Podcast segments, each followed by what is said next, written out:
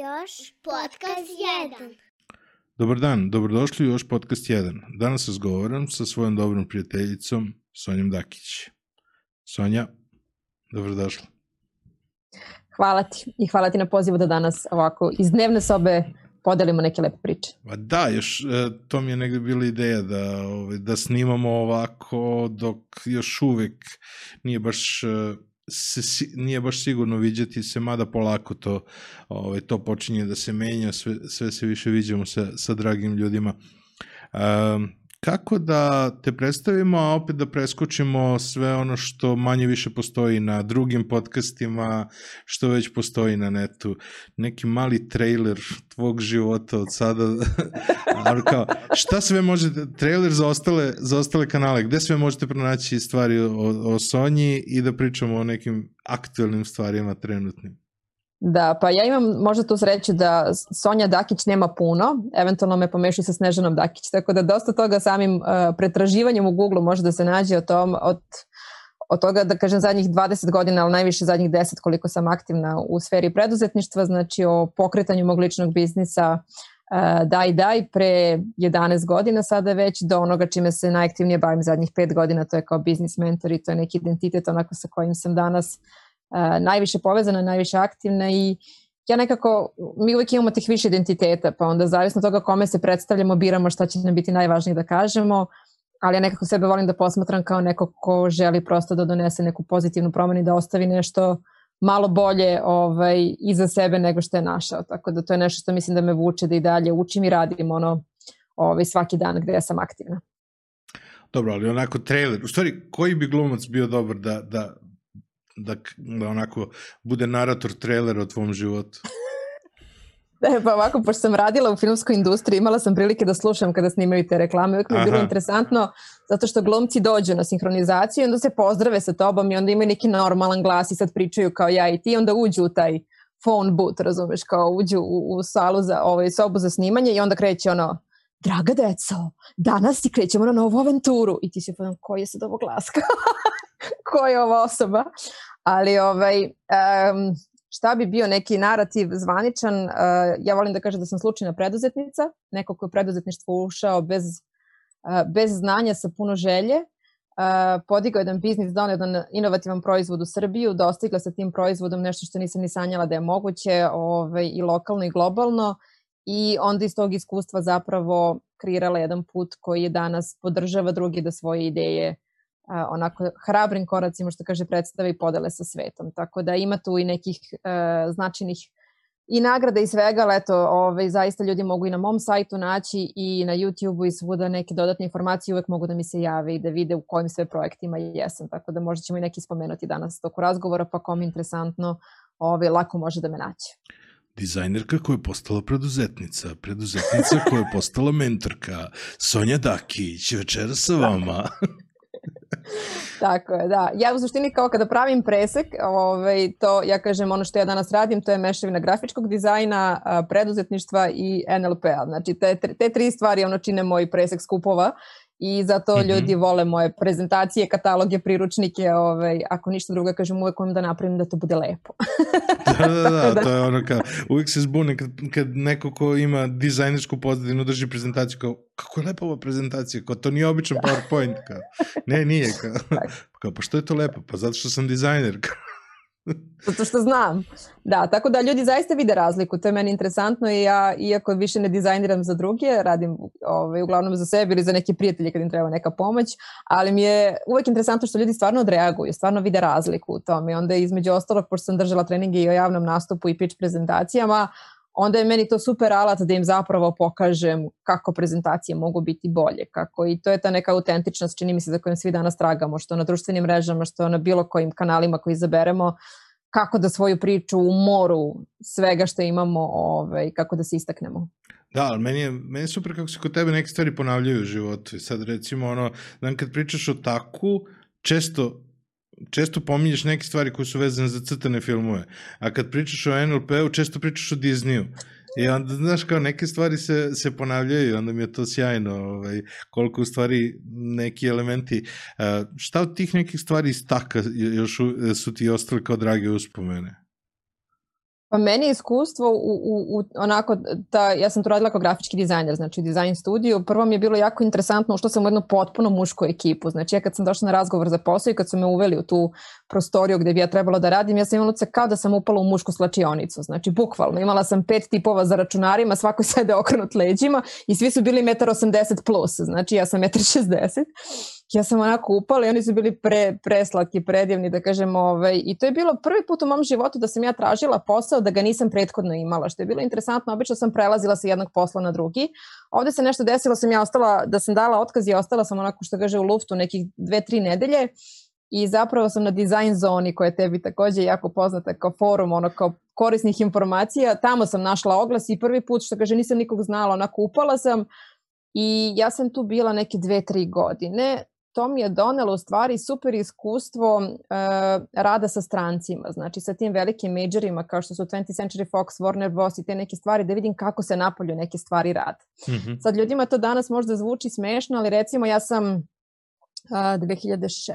15. kad je to bilo, ja sam tad prvi put videla Photoshop file od 2 gigabajta ja sam njega preuzimala 24 sata sa, sa našim internetom tada u Srbiji. Ja sam bukvalno krenem sa posla i ostavim upaljen računar da mi skida fajl koji sutra treba da prepravim za neki plakat za, ovaj, za film koji nam skoro dolazi. Tako da mi je to onako negde uh, pojasnilo ono kao šta sve ima, šta sve može, kako neki svet tamo funkcioniše i da mi možemo da budemo deo tog sveta i da ga apsolutno pratimo. Uh, pokazalo mi koliko kad imaš pravu ekipu oko sebe možda naučiš sve što hoćeš, koliko neki projekti mogu da se rade onako zaista sa, uh, sa dušom i, i bilo je tu svega, onako baš nekih sjajnih projekata i snalaženja za neke kampanje koje smo mi ovde radili i hrabrost da možda nešto što nije bilo u sklopu, eto, kao klasične kampanje, ne znam, Warner Bros. ili 20th Century Foxa, mi sprovedemo ovde i onda postanemo dobar primer prakse. Posebno na tim nekim marketničkim promo aktivnostima, ovaj, tad su još bili aktualni, ne znam, i neke pop-up kampanje, billboardi, društvene mreže nisu bile toliko jaki kao danas, tako da je marketing bio onako na nekim drugim platformama, ali ovaj, pre svega meni je to iskustvo onako baš, baš značilo da, da sebe oslobodim u tom nekom dizajnu i da shvatim da treba izaći iz kutije, treba raditi stvari drugačije, čak i kada dobiješ onako vrlo jasne instrukcije kako nešto treba da bude urađeno, treba da budeš hrabar da probaš drugačije i ako ti se to drugačije svidi da, da ga tako i predstaviš. Mm kada pričamo o kada pričamo o stvarima koje se ne vide, koji se ne vide a, s polja, meni je dosta, dosta bilo važno pre nego što, što si uopšte došla u Vršac 2015. da, da održiš predavanje, ti si održala jedno sjajno predavanje u Beču na TEDxu. I e, kako izgleda priprema za TEDx u Beču? Šta je ono što je iza scene? Kako to izgleda u, u tih par, e, koliko je uopšte to vreme pripreme i kako to funkcioniše? To je isto segment koji ja mislim da šira populacija ne zna. Da, ovaj, nažalost, mislim da se kod nas još uvek tako ne rade konferencije. Ja bih volela da se radi jer je to, uh, ajde ukratko ovako, ja sam negde poziv dobila dva do tri meseca ranije. Znala sam, uh, dobila sam sve moguće tehničke uh, detalje, instrukcije, dobila sam PowerPoint template u koji sam trebala da se uklopim, tako da ne moram da razmišljam da li moja prezentacija treba da bude 3x4 ili 16x9 i ostale neke stvari. Znači imala sam jednu osobu sa kojom sam sve vreme komunicirala, sa kojom sam imala uh, uživo online poziv koje je prošla i tačno sam imala rokove kada sam trebala da isporučim svoj uh, kratak opis, uh, PowerPoint, ja mislim da sam ga slala mesec dana ranije, moju temu, da bi oni mogli celu tu kampanju da naprave kako treba. I to je onako nešto što mislim da ovde se dosta ono ad hoc radi, tipa kako ćemo, lako ćemo, mi dalje mnogo funkcionišemo po tom principu. Uh, to je bilo znači 2014. godine, ja sam uh, otišla u Beč dan ranije, uh, imali smo generalnu probu. Znači ja sam dan ranije imala priliku da posetim Volksteatar, da vidim celu binu, da izađem na tu binu, da me upoznaju gde su monitori, gde je rasveta, kako izgleda publika, kako izgleda backstage, odakle ću ja da se pojavim. Znači da bukvalno kao ono, ja sam kao mala trenirala balet i onda mi to zovemo generalna proba kostima. Znači pre cele ono, predstave zvanične vi bukvalno ceo taj događaj proživite ponovo da bi svi učesnici znali ovaj, upravo kako i šta treba da se desi. Tako da je to moje iskustvo sa TEDxom onako prvo meni podiglo lestvicu, meni je to bilo jako jako sam imala frku od tog nastupa, to je bilo pred hiljadu ljudi, to je dan danas za mene bila najveća publika pred koju sam izašla, trebalo je da pričam na engleskom jeziku i sećam se te generalne probe kad sam ja izašla, u tom momentu su oko mene gomila ljudi je bila na bini, postavljali su taj čuveni crveni tepih, lepili su neke trake kojima su obeležavali našu poziciju. Ja sam izašla da ispričam kao i da proverim eto, kako monitori rade, kako se je uopšte osjećam na toj sceni, jako je velika. Dosta lična naše narodno pozorište u Beogradu, onako izuzetno je lepo pozorište njihovo. I ovaj, sećam se kad sam sišla sa scene, ja sad onako sva ustreptala, meni je najveći fokus bio da stanem u taj vremenski okvir koji sam imala, onako da, da nekako uvek volim da se držim, da ispuštam tu neku agendu koju dobijem. I prišla mi jedna divna gospođa, ona je inače bila trener za, ovaj, za govornike. Ja sam je tada prvi put videla, nismo bile ranije u kontaktu, bila sam sa asistentom koji se brinuo, da kažem, o meni i o svim tekućim detaljima. I ona je prišla i rekla, jako ti je lepa prezentacija, to je onaj dizajnerski deo i kao super ti je priča, kao imam samo jedan savet za tebe. I ja sam sad onako svaka, znaš, kao, ono, kao dete, raširila ovaj, oči i načuljila uši i bilo fazono, evo ga sad moj veliki savet, kako da moj, ovaj, kako da moj nastup bude još bolji.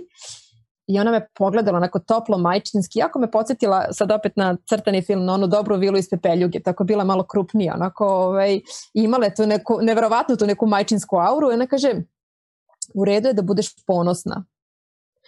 I taj njen komentar je mene potpuno zbunio i potpuno me razoružio jer ja to nisam očekivala. Ja sam očekivala da će mi reći pomeri se metar napred nazad. Iz, znači, meni je prvo bio veliki izazov da pričam na engleskom, ali ono što je dobra stvar što ja kada pričam na engleskom ja pričam sporije nego na srpskom da bih sve reči pravilno izgovorila što je dobro. Ali to nisam očekivala i meni su se u momentu napunila onako suze ovaj, u, u očima. Ja sam pomislila kao kako to misliš? Pa kaže imaš divnu priču i sasvim je u redu da je podeliš sa drugima. I od tog momenta i od tog njenog kratkog feedbacka ja sam u stvari uvek počela da preispitujem svoje javne nastupe sa tim, uh, to jest kada, kada razmišljam, kada me pozovu da budem na nekom događaju ili nešto, ja prva, jedna od prvih stvari o kojoj razmišljam jeste koju emociju želim da prenesem. I fokusiram se na to da pored lepe prezentacije, pored priče koja treba da ima neki svoj tok i neku svoju poruku, da u to bude upletena neka emocija sa kojom želim da ljudi odatle odu. I mislim da je to jako bitno.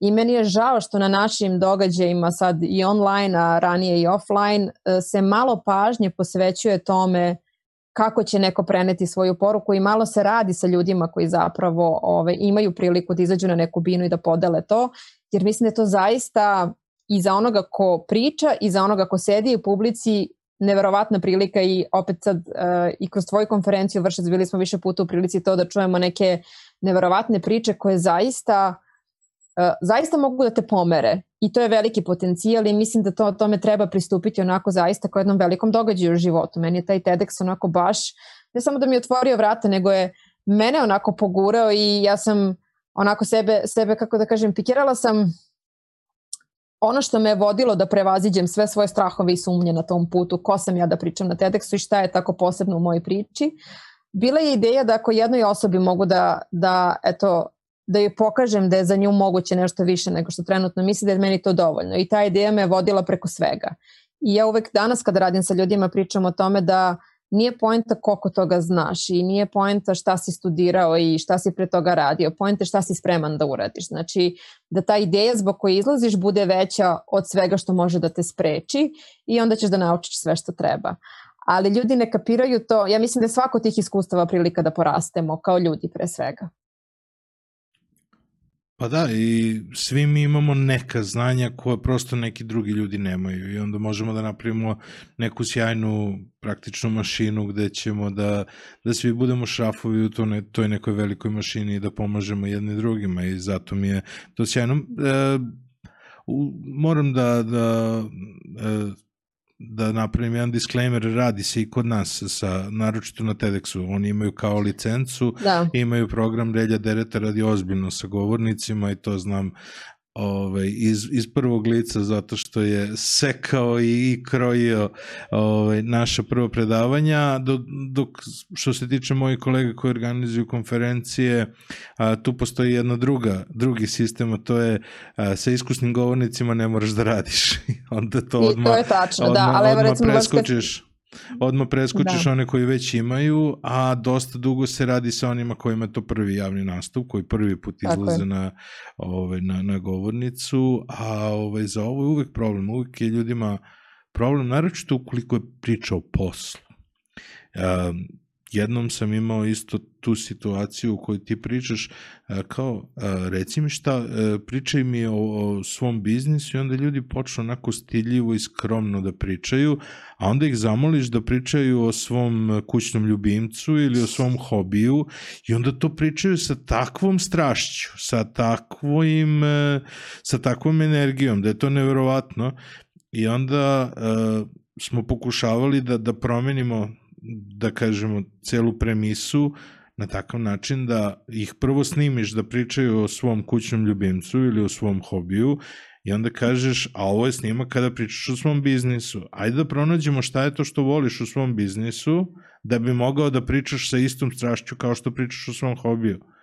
I to je u stvari Tako. taj deo da budeš ponosna. A ti si svakako imala biznis na, na koji si bila ponosna. Pa jesam, ali do tog momenta nikada, nikada to tako nisam osvestila zapravo, jer mi redko se osvrnemo iza sebe da vidimo šta smo uradili. I sad kada si spomenuo baš Relju, ja sam se sa Reljom viđala pre mog odlaska ovaj, u Beč, imali smo neka dva, tri sastanke i meni on isto, a od nama treba otprilike pet Relja dereta da, da pokrije sve što, što imamo danas. Ovaj, on je meni pomogao da dođem do teme zapravo. Me, moje ključno pitanje je bilo ko sam ja da tamo pričam i šta ja tamo imam da ispričam, jer to nije bilo klasično predstavljanje biznisa, to nije bila pitch prezentacija koju sam ja na programu koji sam prolazila u Impact Hub u Beču pro, radila prethodno tri meseca. Ovo je zaista trebalo da bude neka kombinacija, posebno što je sam naziv konferencije bio Brave New Space, znači neki hrabri novi prostor. Tako da, apsolutno, ovaj, ja mislim da ti, ti javni nastupi i ovo što danas imamo kroz društvene mreže, sve to jesu prilika da, pro, da podelimo svoju priču i jeste izazov naći tu svoj autentični izraz. Posebno što svega ima sve više i više i onda treba uh, treba videti ok šta je ono zbog čega će ljudi baš da dođu mene da čuju i šta je to sa čim će izaći. Meni je uvek interesantno kada me ljudi sretnu. Evo, za, za vikend sam bila baš na nekom druženju, da su me ljudi isto tako s nekog podcasta ovaj, prepoznali. Ja, pa kao to si ti. Znaš, nekako mi doživljavamo te ljude koji žive u malim ekranima distancirano kao neka super biće. Onda kada shvatiš da oni stoje pored tebe u gradskom prevozu ili u kolima na semaforu ili u redu za, u maksiju, razumeš? Ovaj, onda ti nekako to bude bliže i mislim da zato treba više takvih priča da imamo ovaj, i da pokrenemo jedni druge i da podržimo u krajnjem slučaju ovaj, jedni drugi. Da, ja sam, ja sam Ramba sreo u, u Maksiju na kasi Brku, kao da si znala. Pa to je to, znači mislim, ja sam se smela to kad smo izašli iz Folks teatra, meni jako puno ljudi prišlo posle i zahvalilo se puno devojaka i jedan baš mladić, onako koji mi je bio jako simpatičan, ja sam mu rekla, ja sam u stvari zbog tebe ovde došla, ali kad sam izašla iz Folks teatra, ja u Beču imam neki problem sa snalaženjem, ne znam zašto, iako sam puno puta bila tamo, nikad ne umem da odredim kad izađem iz nekog objekta da li treba da idem levo ili desno kada znam gde idem. I kako smo izašli iz Folks teatra, uh, metro stanica ima dva ulaza, znači zavisnosti od toga na koju stranu želite da idete i onda smo se mi potpuno zbunili kako da se vratimo do hotela i onda su tu naišli neki momci i rekli, ja, kao ti si jedan od spikera, kao to je to, kao da, da, da, i ne znam kako da se vratim u hotel, kao molim vas pomozite mi. Tako da ovaj, sve, sve je to normalno i mislim da baš zato i treba da pričamo o svojim greškama, o sumnjama, o strahovima, o svemu, tako da da ljudi shvate da je to deo puta, da nismo, da niko od nas nije više biće, da niko nije pametniji, da niko nije sposobniji, nego da svi imamo, svi prolazimo te neke slične ovaj, faze izazove da je to normalno. A meni je sjajno zato što si ti tu e, taj neki aspekt roditelja koji je rešio da jedan ekološki proizvod donese u Srbiju, da ga proizvede i ponudi na tržište, e, ti si, e, ti si baš e, nosila to, da kažemo, baš si bila u onom fazonu kao što kažu practice what you preach. I onda mi je to otprilike e, mnogo ljudi e, posle tvog predavanja u Vršcu je bilo u fazonu kao ja uopšte nisam razmišljao o ekologiji na ovaj način. Je kao, dobro, ste čuli preduzetničku priču? Kao, ma pusti preduzetničku priču, kao, daj da, da pričamo o ekologiji.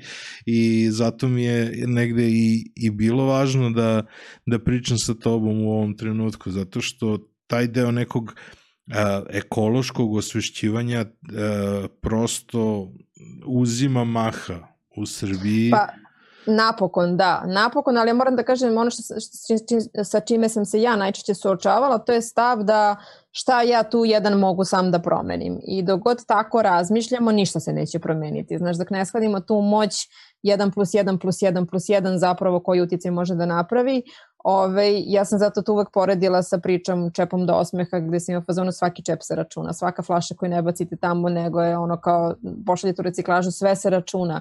I upravo mi malim tim promenama dnevnih navika i načina kako biramo neke stvari, znači šta kupujemo, koga podržavamo, mi činimo deo jedne veće slagalice i jednog boljeg budućeg sveta. Samo što je to problem te lične odgovornosti koju mi ovde nemamo razvijenu i zato mislim da je potrebna edukacija i meni je drago da, da ekologija postaje kao da imamo inicijative kao što su Kreni promeni koji imaju, ja sam imala prilike da ih baš upoznam kroz uh, Social Impact Award program koji su za godinu dana preko 700.000 potpisa sakupili za razne peticije. Ovaj, dosta su se, da kažem, pošto su mlade ekipa, dosta su to brzo preko društvenih mreža razglasili, ali to je to. Mi treba da shvatimo da svako od nas može da bude pokretač neke promene, da svako od nas može da napravi um, malom odlukom, malom promenom na dnevnom nivou da može da učini ovo, ovaj svet boljim mestom. Znači, tako da ta lična odgovornost je nešto što mislim da, da je krajnje vreme da svi, svi usvojimo i ja sam uvek zaista kad sam predstavljala Daj Daj, meni je prosto bilo bitno da ljudi te informacije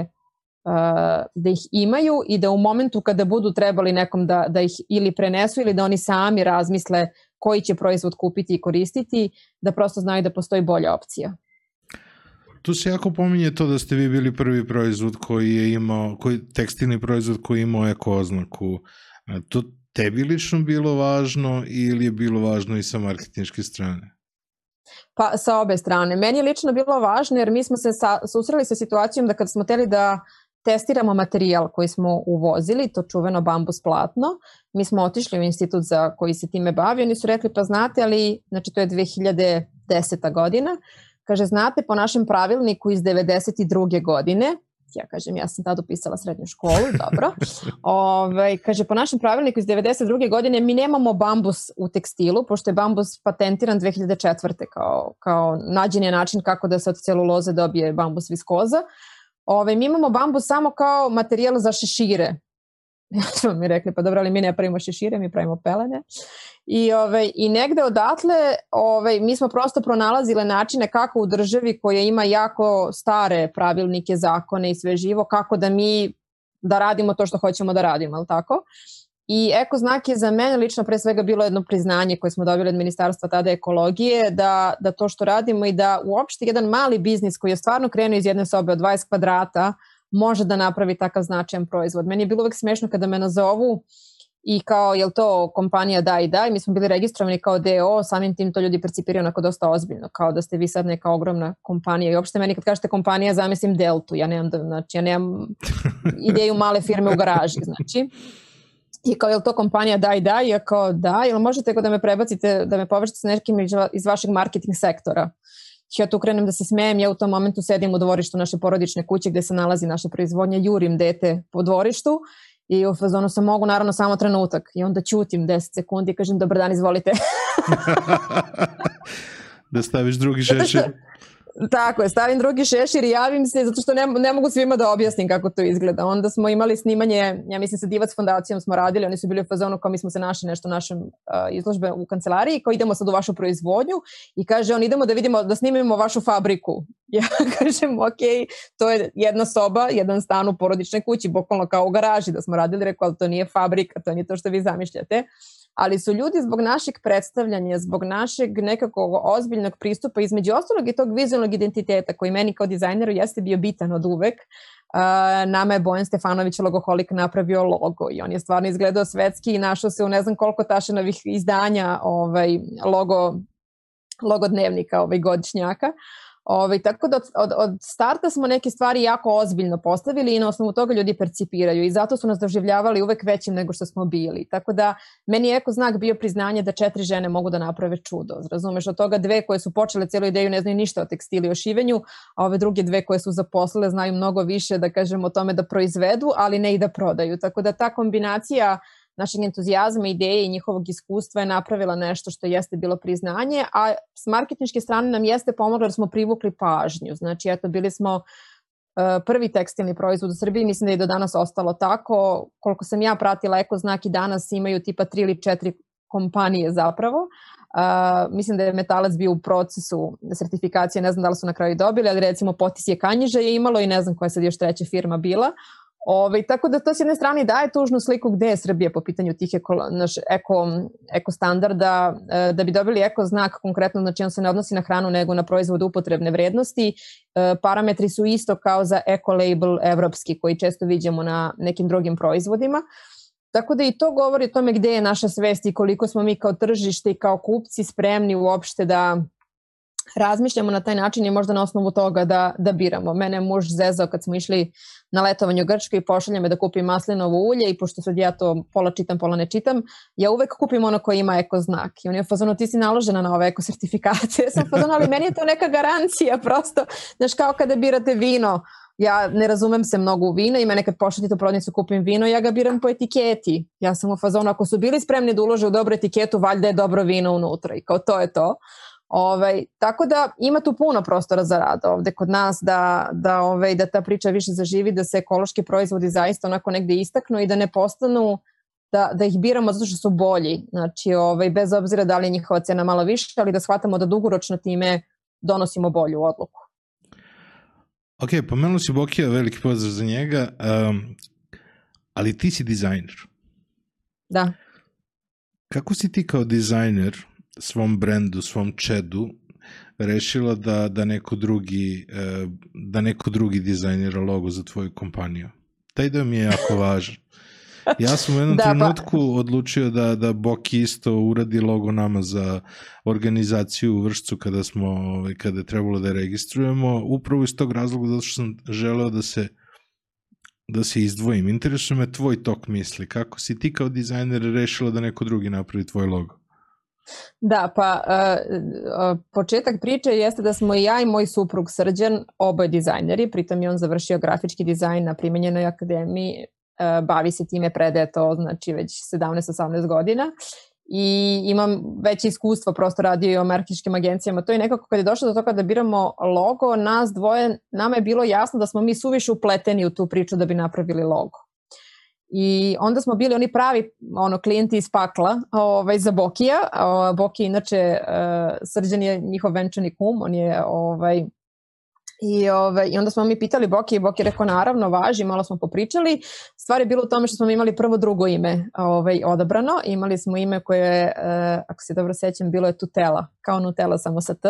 Imalo je čak i svoje značenje i sve i onda nam je Boki poslao dva ili tri predloga i mi kad smo ga videli, mislim pre fazonu to ime nije to to. I onda smo na završen logo odabrani, onako kao pravi klijenti iz pakla bili u fazonu, e, mi smo smislili da promenimo ime Boki i ovaj, onda nam je on radio novi logo. Ove, ovaj, to, to stvarno to kad radite sa bliskim ljudima to znači, kaja nema ali, ovaj, ali ispalo dobro i on je stvarno, mislim i on je bio ponosan na njega, meni je mnogo drago što kaže što ga je on ovaj, vrlo rado ovaj, promovisao, ali mislim da je bilo eto i ti možeš da kažeš neko tvoje iskustvo da prosto ti kada si u svojoj ideji jako ti je teško da se distanciraš i da sagledaš neke stvari. Sad možemo tu da napravimo i paralelu sa time zašto ti treba neko kada imaš svoj biznis, zašto ti treba neko sa strane sa kim ćeš da radiš na njemu, zašto ti treba taj negativni, negativni, bože, neutralni ugao. Ove, e tako i kad se tiče dizajna, ja sam kasnije sa tim nekim vizualnim identitetom koji je nama Bojan postavio, ja sam razrađivala sve dalje. Znači ja sam pravila objave za društvene mreže, srđan, ja, srđan je fotografisao, ja sam pravila flajere, kataloge, znači sve ostalo sam ja mogla da primenim, ali nekako krunu, to je to glavno je taj glavni identitet ovaj, samog brenda mi je značilo da drugi negde da ovaj, kako ga vidi, kako ga doživljava. Drugo, uh, Bok je zaista vrhunski ovaj, dizajner naš koji je pre svega usređen na te vizualne identitete, na izgradnje tih ovaj, onako jakih grafičkih osnova. Ja sam znala da tu neće biti, da kažem, nikakve sumnje. Uh, Ovaj, tako da nam je on u stvari postavio temelj koji sam ja onda dalje razrađivala i, ovaj, i taj deo mi je zapravo bio najteže da pustim. Mi smo kasnije tokom poslovanja u jednom momentu marketing um, delegirali. Meni je najteže bilo da pustim to kako sad neko drugi da ovaj, uklapa. Sećam se da devojka koja nam je tada ovaj, radila, u jednom momentu je napravila neki post za, za Facebook i onda je pod 45 stepeni ovako zalepila kao watermark www.dajdaj.com. Ja sam bila fazona, ovo je strašno, ovo ne može ovako da ide, ovo je grozno. Ona je bilo fazona, pa ne, ne, ne, to je da nam ne bi ukrali sliku, pošto se i to dešavalo. Ja sam bila fazona, ne, ne, ne, ali ovo mora, znači, to mora da bude lepo. znači, to je prvo pravilo. znači, sve ostalo, kao, ali mora, mora da bude to kao, što, što mi dizajneri kažemo, mora da bude taj eye candy, razumeš? Mora za oko da bude lepo, da bi sve ono što dolazi posle toga ljudima bilo prijemčivo. Tako da ta priča sa dizajnom i sa vizualnom identitetom jeste jako bitna. Jeste platili ali mislim da... Hm? Jeste platili Vokija? ne, Boki nam je to donirao kao ovaj kao učešće u našem ovaj u našem mm -hmm. u našoj ideji za koju ja mislim da čak ni on tada nije mogao da zamisli dokle će da stigne. Ovaj tako da je to bio njegova investicija da kažem u, u, u našu ideju i sve to ovaj i tako je tako je ostalo. Ja sam ga uvek držala, imala sam kada na tako nekim prezentacijama pa kao imam ovaj imam uh, slajd sa logotipima svih organizacija koje su nas podržale ili neka i banke i neke grantove koje smo kasnije dobijali i onda mi je logoholik bio jedan od njih. On mi je bio onako kao, kao partner sa te strane, ovaj, uvek komunicira. Angel investor. Da, da, baš tako. e,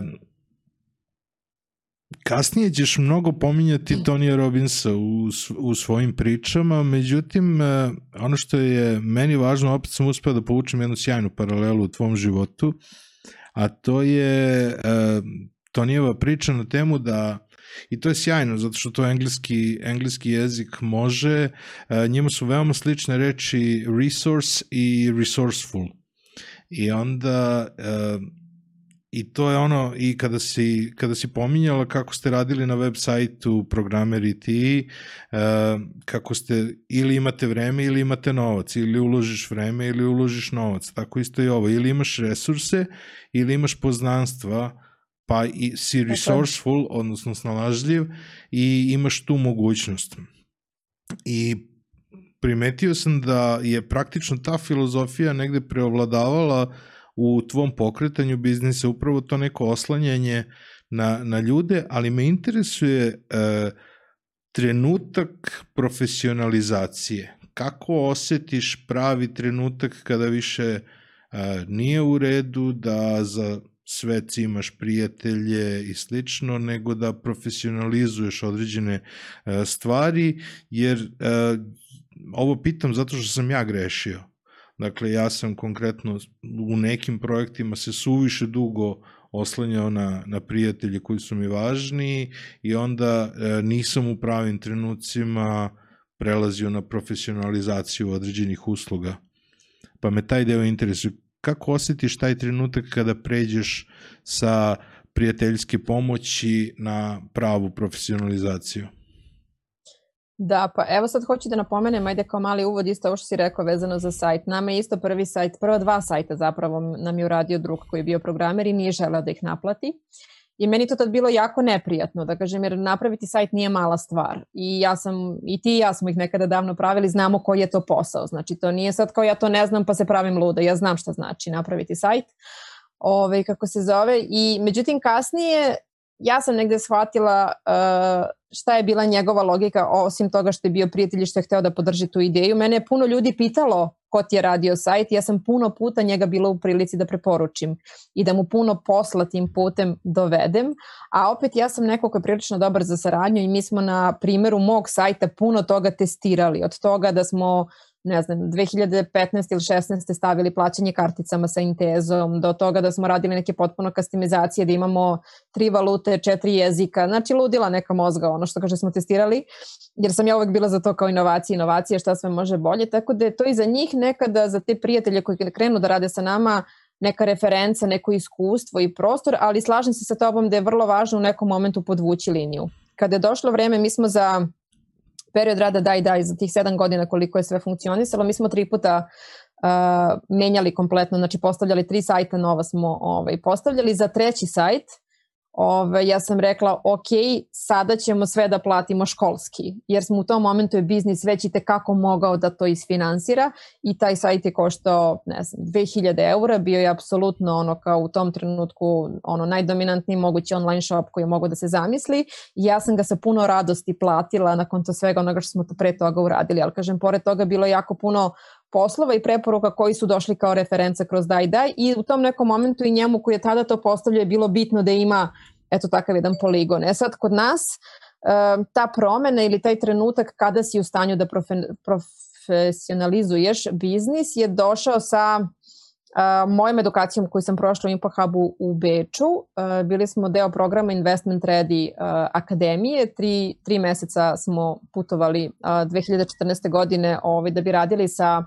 mentorima iz Boston Consulting grupe. Ja sam se tada prvi put srela sa pravim biznis mentorisanjem. Prvi put sam videla šta to zapravo znači i meni je to onako bilo, uh, iako sam ja tamo otišla sa jednom idejom, znači u tom momentu Daj Daj je poslovao tri godine i pokrivao je svoje troškove. Znači onako, što kaže, sve pare koje su dolazile dalje su namirivale tu proizvodnju, ali nekako ja i nas dve u stvari koje smo bile u toj priči nismo još uvek imale neku full platu od toga, nismo imale puno novca da dalje inoviramo i ulažemo u biznis. Ja sam prosto, moja ideja za ulazak u taj program je bila da testiram svoj biznis model i da vidim da li smo mi neke stvari dobro postavili i da li su te cene dobro određene i gde prosto grešimo, posebno što je naša želja bila da idemo kao na neko ino tržište, a još uvek ni na lokalnom tržištu nismo ostvarili ciljeve koje smo hteli.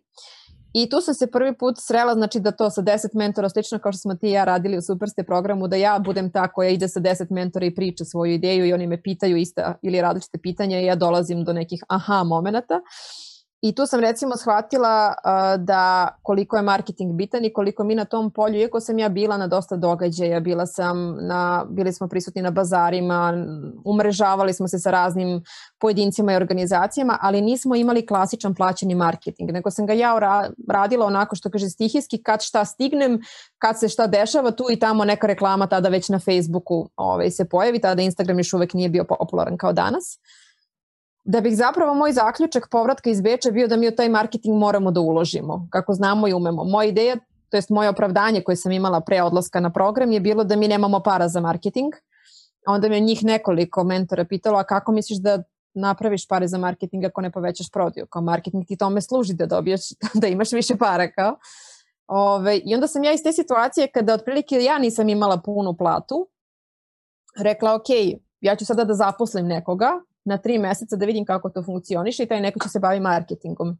I imala sam sreću da je taj neko bila uh, Milica Čalija, koja danas stoji sa svojim suprugom iza brenda Anđeli. Na dve smo se upoznale kroz posao i počele tako da sarađujemo. Ja sam njih dvoje pozvala da mi pomognu da, da kažem da napravimo jednu marketing strategiju. Ona je preuzela negde, ja sam to teška srca pustila. Znači ja sam sa njoj radila uz nju sam radila jedno 3-4 meseca i to je bilo kao ja ću pravim vizuale, ona će da piše i da se postara da to svaki dan da prati neki ritam, ali je to meni bio najtiži deo posla koji sam pustila. Mislim, mi smo u tom momentu imali outsourcovano naravno knjigovođu, imali smo tu kao neku web administraciju, ali nismo imali nekoga ko se time baš bavi.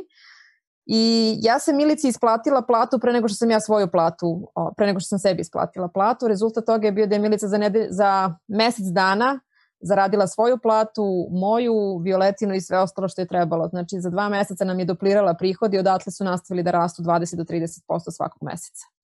I to je ono što je napravilo razliku i tada sam ja shvatila koliko je važno ulagati u biznis i da, um, da imaš, da kažem, ako ne znaš sam, onda da imaš nekoga ko može ti pomogne na koji način novac koji dolazi možeš najbolje da investiraš. Mi smo između ostalog kao rezultat tog programa u Beču imali opciju da dobijemo investiciju od 50 do 100 hiljada eura i bili smo u pregovorima, imali smo zainteresovanog investitora iz Beča, on je dolazio u Srbiju da nas poseti, da vidi našu proizvodnju, da vidi naše tada malo prodaljene objekte u akciji DM-u i u tom momentu ja sam shvatila da ja nisam dovoljno zrela za taj proces, nisam imala lokalnu podršku nekoga ko bi me proveo kroz taj proces da prosto i pravno i finansijski mogu da savladam sve što treba. Tada nisam znala Sretan iz Erste banke koji je moj najbolji bankarski drug. Ovaj, I shvatila sam da mi možemo da dobijemo tu investiciju, ali da ja ne znam šta da radim sa tim novcem. Znači da ja ne znam tačno kako da ga investiram da bi on napravio više para. Da li su to novi proizvodi, da li su to novi kanali, da li su to, znači sad koje su sve te opcije gde vi možete da investirate novac i kako će to dalje da razvija biznis. Ali ono što jesmo dobili, znači eto tim malim ulaganjem u marketing smo zapravo sve te neke ciljeve koje smo postavili ostvarili i pokrenuli i nove proizvode i nove kanale i sve se to dalje razvijalo i to je moment s koga zapravo daj daj iz tog prelazi taj, tu prelomnu tačku znači kao svog poslovanja, znači počinje zapravo da zarađuje novac i onda imamo priliku da ga dalje investiramo. Tako da mislim da to ipak negde, znači sad kao dala sam jako dugačak odgovor, ali da ga rezimiram, mislim da ipak ima negde veze sa novcem i sa zrelošću osobe da delegira. Mislim da je to jako veliki izazov za sve nas koji vodimo svoje biznise, jer to je kao da to je kao kada prvi put ostavljaš dete u vrtiću. Znači ti nešto što ti je najvrednije na svetu, sada treba da daš nekome koga uopšte ne poznaje, barem je takva naša percepcija. I sad nebitno koliko je ta osoba školovana, obučena i sve ostalo, ovaj, tvoje srce što kaže preskače u tom trenutku. I, ovaj, i to je teško. Za delegaciju. Pa, ali zaista jeste, zato što mi svi gledamo, ja znam kada je meni prvi put je prišao investitor i pita me ono, da li bi prodala svoj biznis, ja sam se tu najozbiljnije uvredila, ja sam bila u bože, kako može to da me pita? Dobro, to je drugo, to je drugo, ali ovo za delegaciju i za vrtić je fenomenalna paralela, baš mi se dopada, dakle, da. Uh, to u stvari meni... to jeste ti delegiraš... Da, pa jeste, to je zato što je to bukvalno tvoje nešto najvrednije što imaš i sad treba kao da ga poveriš nekom drugom. I meni je recimo za taj moj uh, način razmišljanja u odnosu na investiranje, na biznis, na taj identitet nas kroz naš biznis, Uh, meni recimo govor uh, doktora Šenka baš iz Vršca, on je bio pre mene ovaj, na konferenciji, meni on jako puno pomogao i ja ga uvek kada pričam sa nekim o tu temu, ja ga uvek linkujem i kažem ok, pogledaj ovo, jer on je tu objasnio kao ok, šta je tvojih 100% sada, a šta tvojih 30% može da bude u budućnosti ili 50-70, nebitno, ali kako u stvari kada uključuješ prave ljude u svoj posao, kako ti zapravo možeš da rasteš. I to je neka dilema gde se ja sada opet nalazim sa svojim novim, da kažem, poslom kojim radim tri godine, da shvatam da neke stvari delegiram, ali da lagano treba da formiram neki svoj tim koji će sada meni da omogući da dalje rastem i stvaram. Ono, znači, tako da to je jako pipav trenutak kada vi treba da poverite nekome svoju ideju, da je podelite sa nekim i da shvatite da jedino tako zapravo možemo do većeg uticaja, do većeg ljudi, do onog što nam je zaista stalo.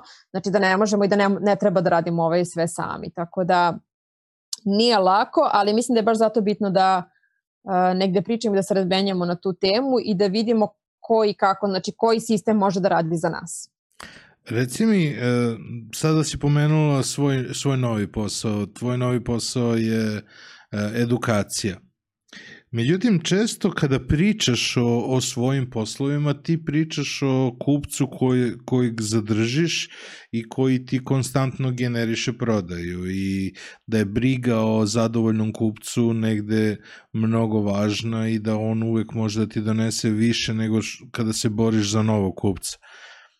Međutim, zabavno mi je da ti već, uh, ono, ovo ti je već drugi posao u kome biraš uh, poslove, ne da biraš, nego kreiraš poslove gde manje više kupci dođu, prođu i odu. Tako da, uh, kako ih zadržavaš i uh, u tim nekim poslovima koji su manje više one-off, dakle, bez obzira koliko traje tvoj program edukacije, opet ljudi nekako završe, uh, gde oni odlaze posle toga, i sa druge strane roditelji kada im dete preraste pelene ovaj, više ne kupuju pelene e, kako ste ih zadržavali šta ste radili sa njima. Interesantno mi je da ti pričaš o tome, a sa druge strane e, malo mi je konfuzno zato što si u dva biznisa, u jednom si bilo, u drugom si sada, gde su manje više jednokratni klijenti. Da, pa nisu baš, ali ajde sad ću da objasnim ajde, kako. Sa daj, daj, da, sa daj, daj jeste bila ta situacija, kao nama su stalno trebale nove bebe, ili tako, beba nosi do dve, dve i po godine, izađi, treba nam, a, treba nam sledeće generacije. Tu smo imali dosta njih koji su se vraćali. Čak i kad su naše, naše pelene su mogle se koristiti za više dece, ali čak i onda bi se vraćali da nešto dokupe, zapravo je pravi odgovor bio, i to je jedan od mojih najpametnijih marketinških poteza, uh, jednom momentu smo razmišljali, ok, ajde da proširimo portfolio, da izađemo iz tog baby, iz te baby opreme, da bi prosto mogli veći profit, veće tržište da pokrijemo. I onda smo na Facebook stranici naše koja je tada imala par hiljada pratilaca, znači nikada, mi smo najviše imali, ja mislim, 17.000 pratilaca na, na Facebooku, mi smo prosto pitali ljude uh, koje nove proizvode bi želeli da vidite koje nove proizvode želimo da, želite da vam napravimo. Znači, i tu smo dobili pregršt odgovora. Neki od njih su bili nemogući za nas jer nismo imali opremu, mašine i ostalo, ma naš materijal, da kažem, nije bio adekvatan za to.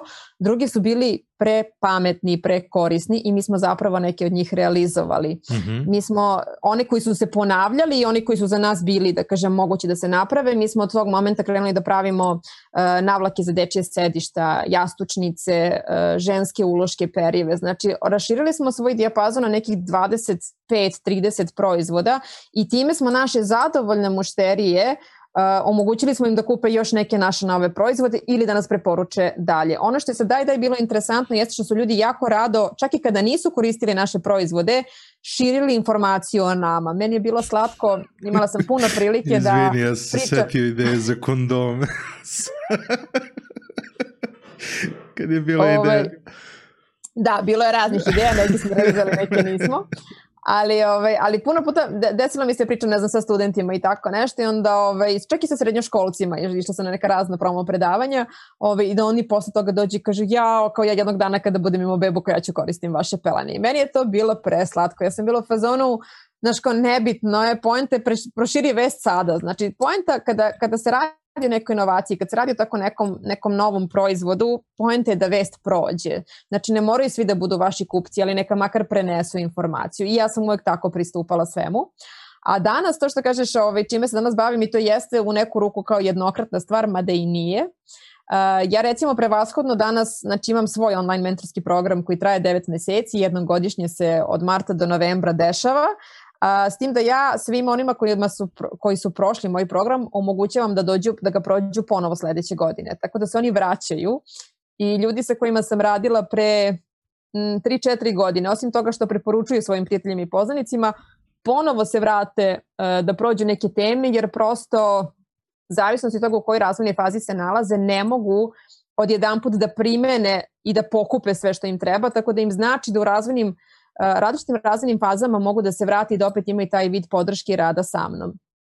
I negde ja Uh, ja jako volim kada ispratim neke ideje i meni se baš dešavalo i sa Superste da mi se neki ljudi jave sa istim ili sa nekim novim projektima da me pitaju, meni je to uvek, uh, da kažem, čisto onako ćef za dušu, kada možeš da ispratiš neke ljude s kojima si se možda jednom sreo u životu i razmenio na neku temu i kada možeš da vidiš u šta su ti projekti kasnije ili ti pojedinci izrasli. Da, ovaj, tako da nekako ja volim da ostanem u kontaktu sa ljudima sa kojima sam radila i to ne mora uvek da bude ta čista matematika kao prodam, sa, prodam ti, ja tebi proizvod, ti meni novac, nego upravo ta razmena, znači da vidimo kako možemo dalje da sarađujemo u tim nekim okvirima a, zavisnosti od toga šta radimo i po meni je to onako pravi i ja se baš vezujem za ljude ovaj, sa kojima radim i volim da ih ispratim i volim da ih međusobno povežem i da i nekako sad pošto sam tu već toliko godina, 6-7 godina, ajde 10 ukupno u tom nekom preduzetničkom ekosistemu, sad zapravo upravo vidim tih m, taj potencijal resursa i poznanstava koji mi imamo i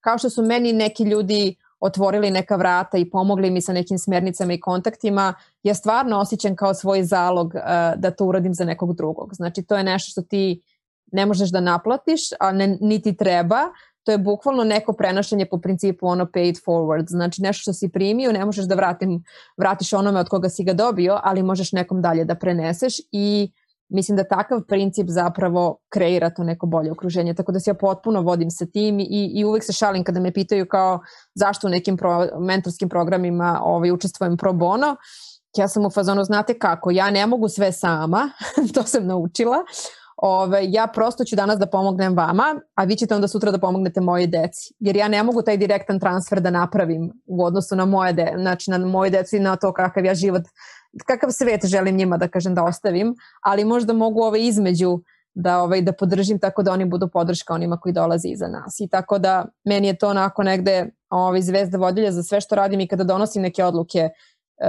čega želim da budem deo, gde želim da učestvujem, gde želim svoje vreme da uložim pre svega, ovaj, to je onda znači šta je, šta je to što može da ima veći uticaj, znači na više ljudi da, da što dalje ta poruka ode.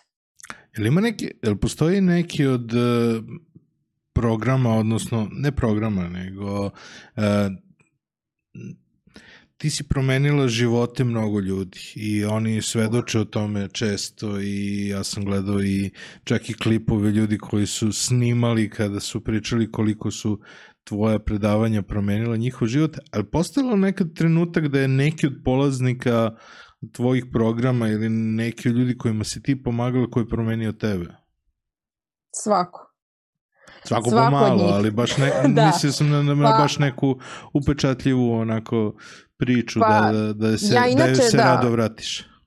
Ja inače volim da kažem da je mentorski odnos uh, dvosmerna ulica i mislim da se tu onako ti i ja imamo da kažem dosta iskustva i zajedno smo bili u programima uh, koliko zapravo uh, drugi ljudi i ti neki razgovori i koliko i negde odluka moja da, da napustim daj daj koja nimalo nije bila laka jeste bila iz tog motiva da, da ću upravo kroz rad sa drugima moći mnogo veći uticaj da ostvarim nego samo razvijajući svoj biznis. Tako da jedan od primjera koji ja uvek navodim, ali sad ih imam i više, znači jeste uh, Biljana Jovanović koja stoji iza, iza brenda Fitaki, sa koje sam ja eto tako pro bono ovaj, dobila poziv da radim u jednom mentorskom programu preko uh, razlivališta pre 5-6 godina I ja sam u tom momentu bila aktivna, znači uključena u Daj Daj, ona mi je bila prvi put, prvi put osoba koja se pojavila sa konkretnim pitanjima, imala je sličan biznis mom, ja sam dosta toga mogla da je prenesem ovaj, zbog ciljne grupe, zbog tržišta i svega. I ja sam odlučila sa njom da se viđem jednom mesečno tokom godinu dana, da vidim kako to izgleda i šta ja tu stvarno njoj mogu da pomognem. Ono što je bilo značajno bilje je bila neko ko kada, kada mu daš ono kao šta da uradi i neki domaći zadatak, ona to uradi 200%. I mhm. mene je to toliko vozilo da ona svaki put, znači to je bilo otprilike, ona dođe i pita me nešto za društvene mreže, ja sam u fazonu, pa evo zaprati istoka, zaprati bildija, vidi malo tu da to, ona sledeći put dođe i kaže, e, ja sam postavila ovaj Facebook pixel na svoj sajt. Pritom je ona žena umetnica koja nema pojma o programiranju, dizajniranju, ništa od toga. Ja kažem, čekaj, ja to nisam uradila, ja sam platila programera za to. tako da, znaš, kada imaš tako nekog s druge strane, ti onda samo, samo tebe budi da budeš bolji, da istražuješ, da više daš. I ona je zapravo meni donela ideju da ja mogu da napravim svoj mentorski program i da mogu da radim sa drugima, da imam šta da ponudim. Uh, onda imam ljude koji su prošli sad kroz moj, kroz moj mentorski program zadnje četiri godine, evo koliko ga radim, koji Imam recimo Jelenu, Jelenu Perić iz Minhena koja pokreće savjetovalište za, za mame kod nas, koja je toliko aktivna, inspirativna, znaš, koja onda mene, kada mi da neku temu na kojoj, na kojoj ona želi da radim, onda mene onako pogura da ja tu istražim, da smislim šta još može bolje. Tako da nekako ta moja uloga uh, istraživača i učenika nikada ne prestaje, zato što sa druge strane imam ljude koji, koji hoće, koji rade, koji mene inspirišu i pokreću i zato kažem ti, uh, znaš, kao mogu svakog od njih da izdvojim, a mogu i kao sve onako grupno da gledam, jer ja sam imala tu situaciju da ljudi, znaš, imala sam dve mame, e, Mirno i Ano, one su došle sa idejom da prave neke prostirke, ništa o tekstilu nisu znale i preporučili ih je drugarica za moj mentorski program. Ja sam mi godinu dana radile na tome da one na kraju su izašle sa fizičkim proizvodom i rekli su kao jao, pa mi nismo znali da će nam ovoliko vremena trebati. A ja ih gledam i mislim se kad bi vi znali koliko smo mi ovo brzo uradile. znači, mi smo za godinu dana pilotirali i došli do kao finalnog proizvoda, kao to je fenomenalno.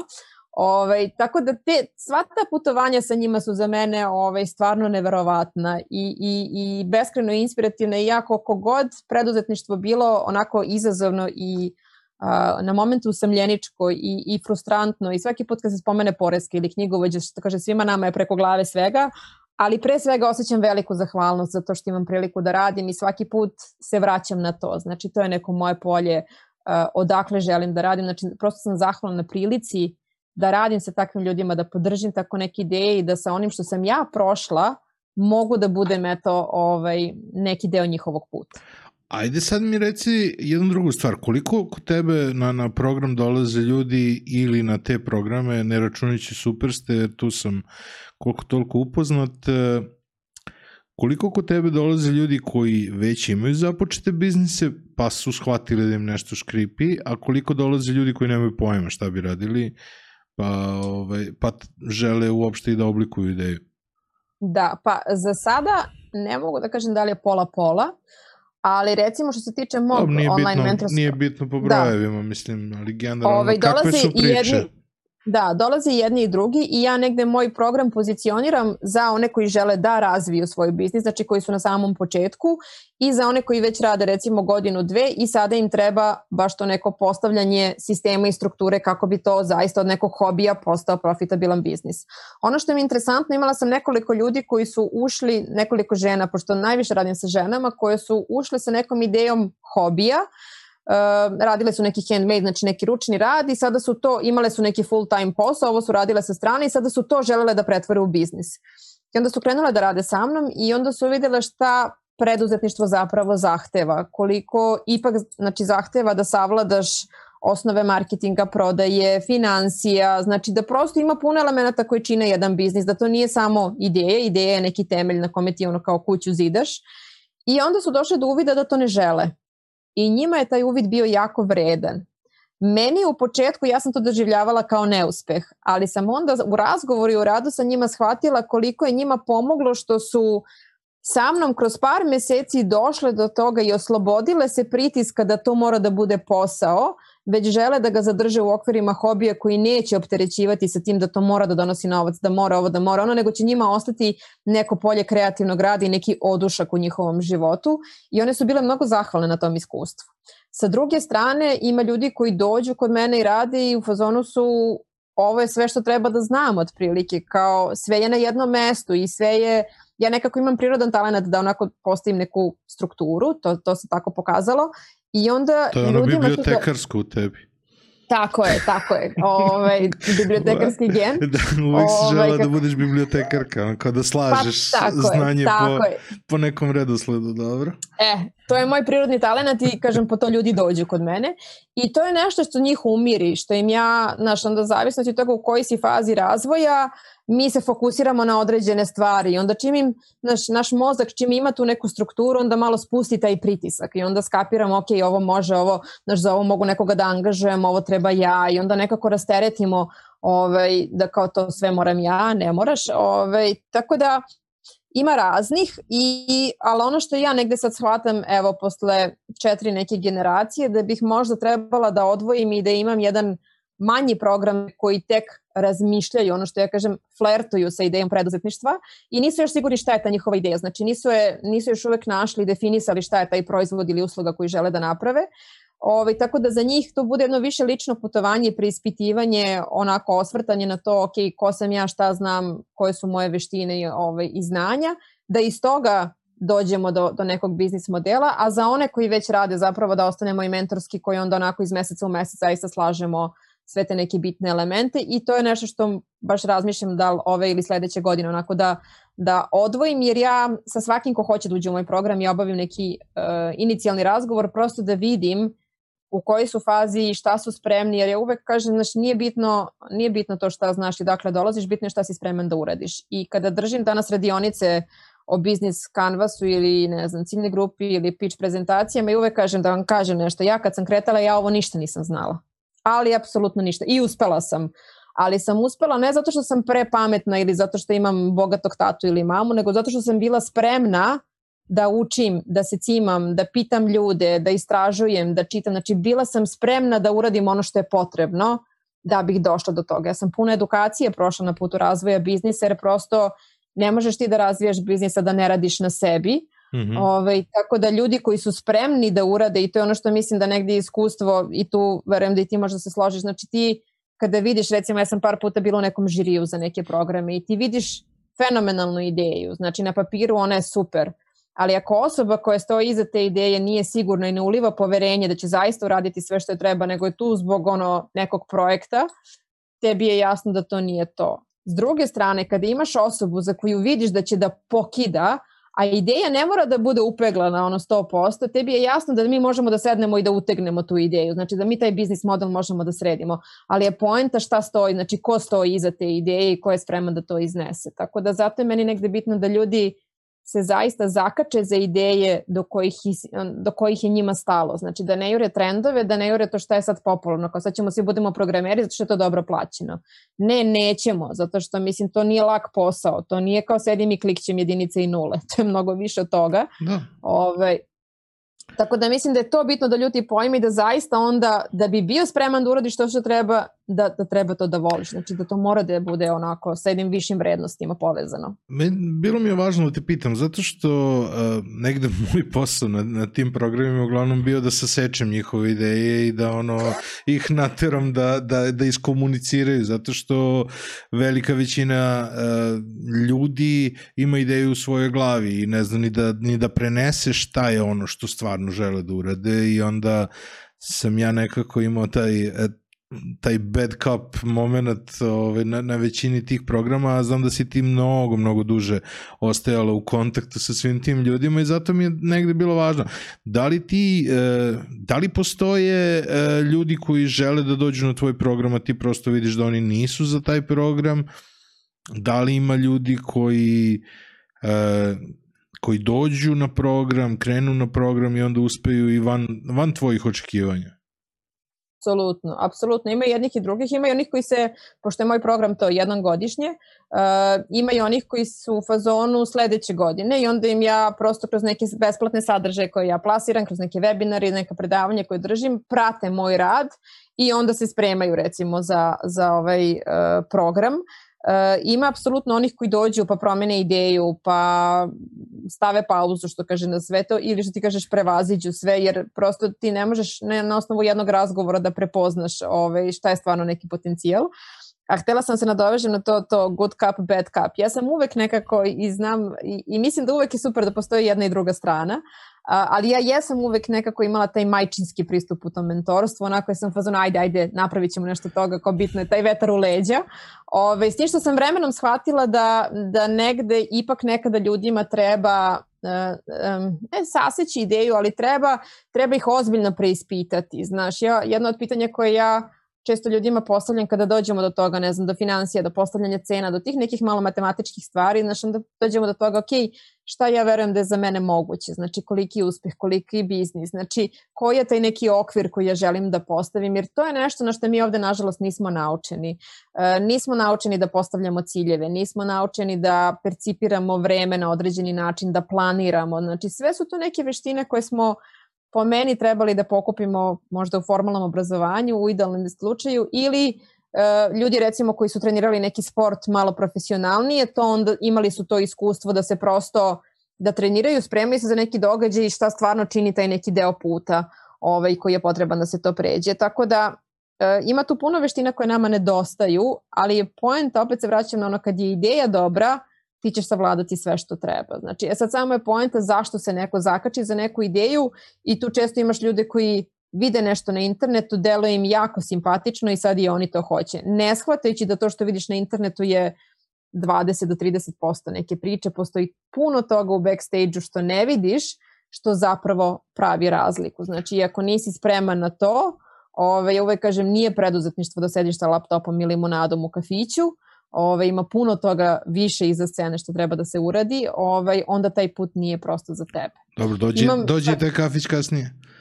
Pa dođe i on, ali nije, nije, da kažem, osnova. Recimo, kod mene dosta dolazi žena koje iz nekog razloga iz bankarskog sektora ili iz tih nekih većih kompanija koje uh, imaju porodicu, dvoje, troje dece i shvataju da taj model više za njih nije održiv, da ne mm -hmm. mogu da rade od 9 do 5, 6 i da žele nešto sa strane. I onda je njima jako veliki izazov da izađe iz tog sigurnog okruženja koje imaju i da uplove u nešto što im je potpuno nepoznato. Bez obzira koje znanje i veštine imaju, preduzetništvo zahteva jedan svoj set onako ovaj, i samostalnosti i hrabrosti i svega. Tako da ta tranzicija nimalo nije laka i onda im znači da imaju nekoga ko je to već prošao da čuju i ja nekako zato se trudim i da kroz rad sa drugima i kroz deljenje tih priča zapravo približim naš kao sve te neke naše, naše iskustva i naše puteve i naše greške ovaj, da bi videli da, da je to sve okej. Okay.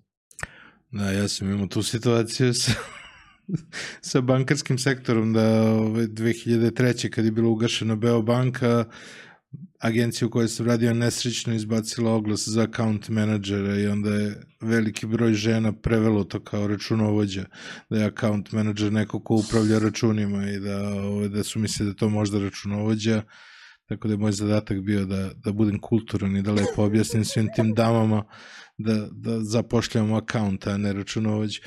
Um, žene i biznis, sada si pomenula jedan, jedan interesantan uh, motiv koji sam želeo da ti, uh, koji sam želeo da ti pitam. Uh, jako je nepovoljna situacija da uh, žena preduzetnica uopšte zasniva porodicu, da ostane u drugom stanju, e, naročito ukoliko su to mali e, biznisi koji su registrovani kao paušal i slično. Međutim, iz tvojih priča na, na, na drugim intervjuima i tvojih javnih nastupa, a, video sam nešto o čemu se relativno malo priča, a to je da je zapravo a, trudnoća, pored svih obaveza koje nosi sa sobom i a, e, vreme koje, a, e, koje u tom trenutku žena ima, a, e, jako dobar prostor za rad na sebi i osmišljavanje nečeg novog. I mislim da se o tome jako malo priča i da to negde a, u samom startu je a, majčinstvo a, promena ženskog, e, promena života jedne žene, ali očigledno je za tebe to bio trenutak kada si potpuno promenila svoj život. Koliko imaš takvih slučajeva e, da, da si ih prepoznala još u svom radu? Pa mislim da zato takve žene i dolaze kod mene. Znači, meni je majčinstvo donalo preduzetništvo. Ja pre toga nikada nisam razmišljala uopšte o, o tako nekom modelu za sebe. I ja apsolutno potvrđujem da su majčinstvo, to jest roditeljstvo i preduzetništvo dva najbolja poligona za rad na sebi. Ovaj, e, mislim da žene, upravo meni se recimo dosta dešava da žene koje imaju treće dete, imaju dve godine porodiljskog, dođu da rade sa mnom baš zato što su u fazonu imam dve godine da nešto napravim. Znači imam dve godine neke rezerve takozvane dok su dok još uvek dobijaju neku sigurnu platu da razviju neku priču. I po tome e, to jeste dobar model. Kažem, Srbija ima puno glupih pravila i zakona, ali jedan od boljih zakona koji ima to je da žena može da bude da ima godinu dana porodiljskog odsustva i da to otvara neki prostor i mislim da E, naš, ja kad sam bila mala, moja mama je recimo radila od 7 do 2 i ona je, iako nas je sama podizala, i dalje bila u stanju da dođe kući u pola 3 i da provede popodne sa nama. Sa današnjim modelom kada se radi do 5-6 i sa svim gužvama u saobraćaju i sa onim što je Beograd postao umeđu vremenu, to uglavnom znači da većina majki svoju decu viđe dva sata dnevno i za mnoge od nas to prosto nije prihvatljivo. I tog momenta mnogi od nas odustaju, da kažem, od nekih karijere i povlače se iz neke priče da bi e, napravile neki bolji model za sebe. I po meni je to prava stvar jer tebi preduzetništvo koliko god bilo izazovno ipak daje tu neku fleksibilnost. Znači ja sam e, sa Zarom koja danas ima 12 i po godina, ja sam došla na ideju i razvijale dok sam bila na trudničkom kada sam trebala da se vratim. Pritom sam takođe bila u situaciji da mi smanje platu tokom trudničkog i porodiljskog jer sam to kao nešto dobijala na ruke, nešto na račun i kao eto sad se ovo na ruke više ne, ne isplaćuje kada zatrudniš.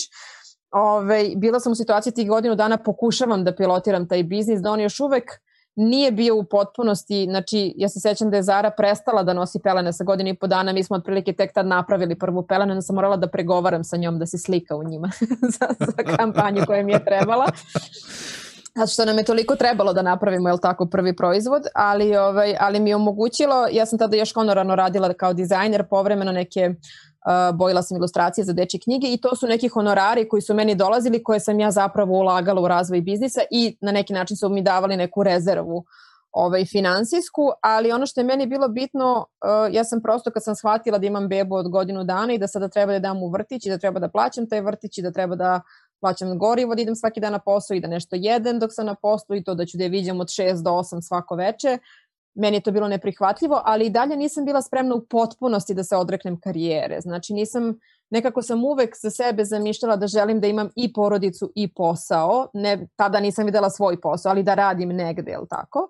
I onda je preduzetništvo po meni tu pravi miks. I nije lako i dosta mama mene pita pa kao kako si to Poenta je da shvatiš šta u datom trenutku možeš, šta je tvoj maksimum. Ako je to sat vremena dnevno, onda gledaš šta je najpametnije što možeš da uradiš sa tih sat vremena koliko imaš i da budeš onako prilično tolerantan prema stvarima jer roditeljstvo ne može da se ukalupi. Znači prosto stvari se dešavaju, stvari se menjaju i ti treba tu apsolutno razviješ onu svoju fleksibilnost na svakodnevnom nivou, ti se prilagođavaš, ali imaš tu slobodu da kada ti je dete bolesno, da ne moraš ono sa knedlom u grlu da zoveš šefa i da ga pitaš da li možda dobiješ slobodan dan, nego prosto pogledaš svoj kalendar, ako treba otkažeš neke sastanke, izvineš se nekim ljudima i posvetiš se ovaj, svoj porodici i svoj deci. Tako da za mene danas balans kada pričamo o tome kao toj izumrloj kategoriji ovaj, predstavlja u stvari mogućnost da budem tamo gde sam potrebnija.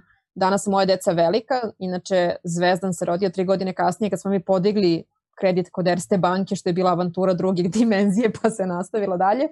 Ovaj, Uh, oni su danas veliki, oni mogu da razumeju kada imam Zoom sastanak da, da ne ulazi ili da mi pišu poruke ako nešto treba da me pitaju, ovaj, mogu sa njima normalno da iskomuniciram, ali isto tako mogu da sebi priuštim da četiri dana isključim svoj telefon, da isključim da ne odgovaram na mailove, da svoj posao tako organizujem da sa njima mogu da otputujem, da provedem vreme sa njima i iako to nije neki idealan scenario svakodnevni, i dalje ta fleksibilnost i sa sloboda koju ja imam zadnjih 10 godina je meni nešto što, što, što je jako vredno i što, da kažem, zbog čega mislim da se vredi potruditi uh, da, da, da, da, da svako nađe eto taj neki model za sebe šta može da radi. Da li će biti freelance, da li će biti preduzetnik, znači šta su to neke opcije i mislim da je to neki model novog poslovanja kako me treba da idemo, da izađemo iz tog okvira 9 do 5 jer to nije model koji podržava porodicu ni na koji način. Bez obzira da li pričamo o mami, o tati, znači to prosto nije model koji podržava čak i kada su partneri samo bez dece, Znači ja i Srđan smo živeli zajedno dve godine pre nego što smo dobili decu, mi smo se viđali to dva sata svako veče na nekoj večeri, da kažem,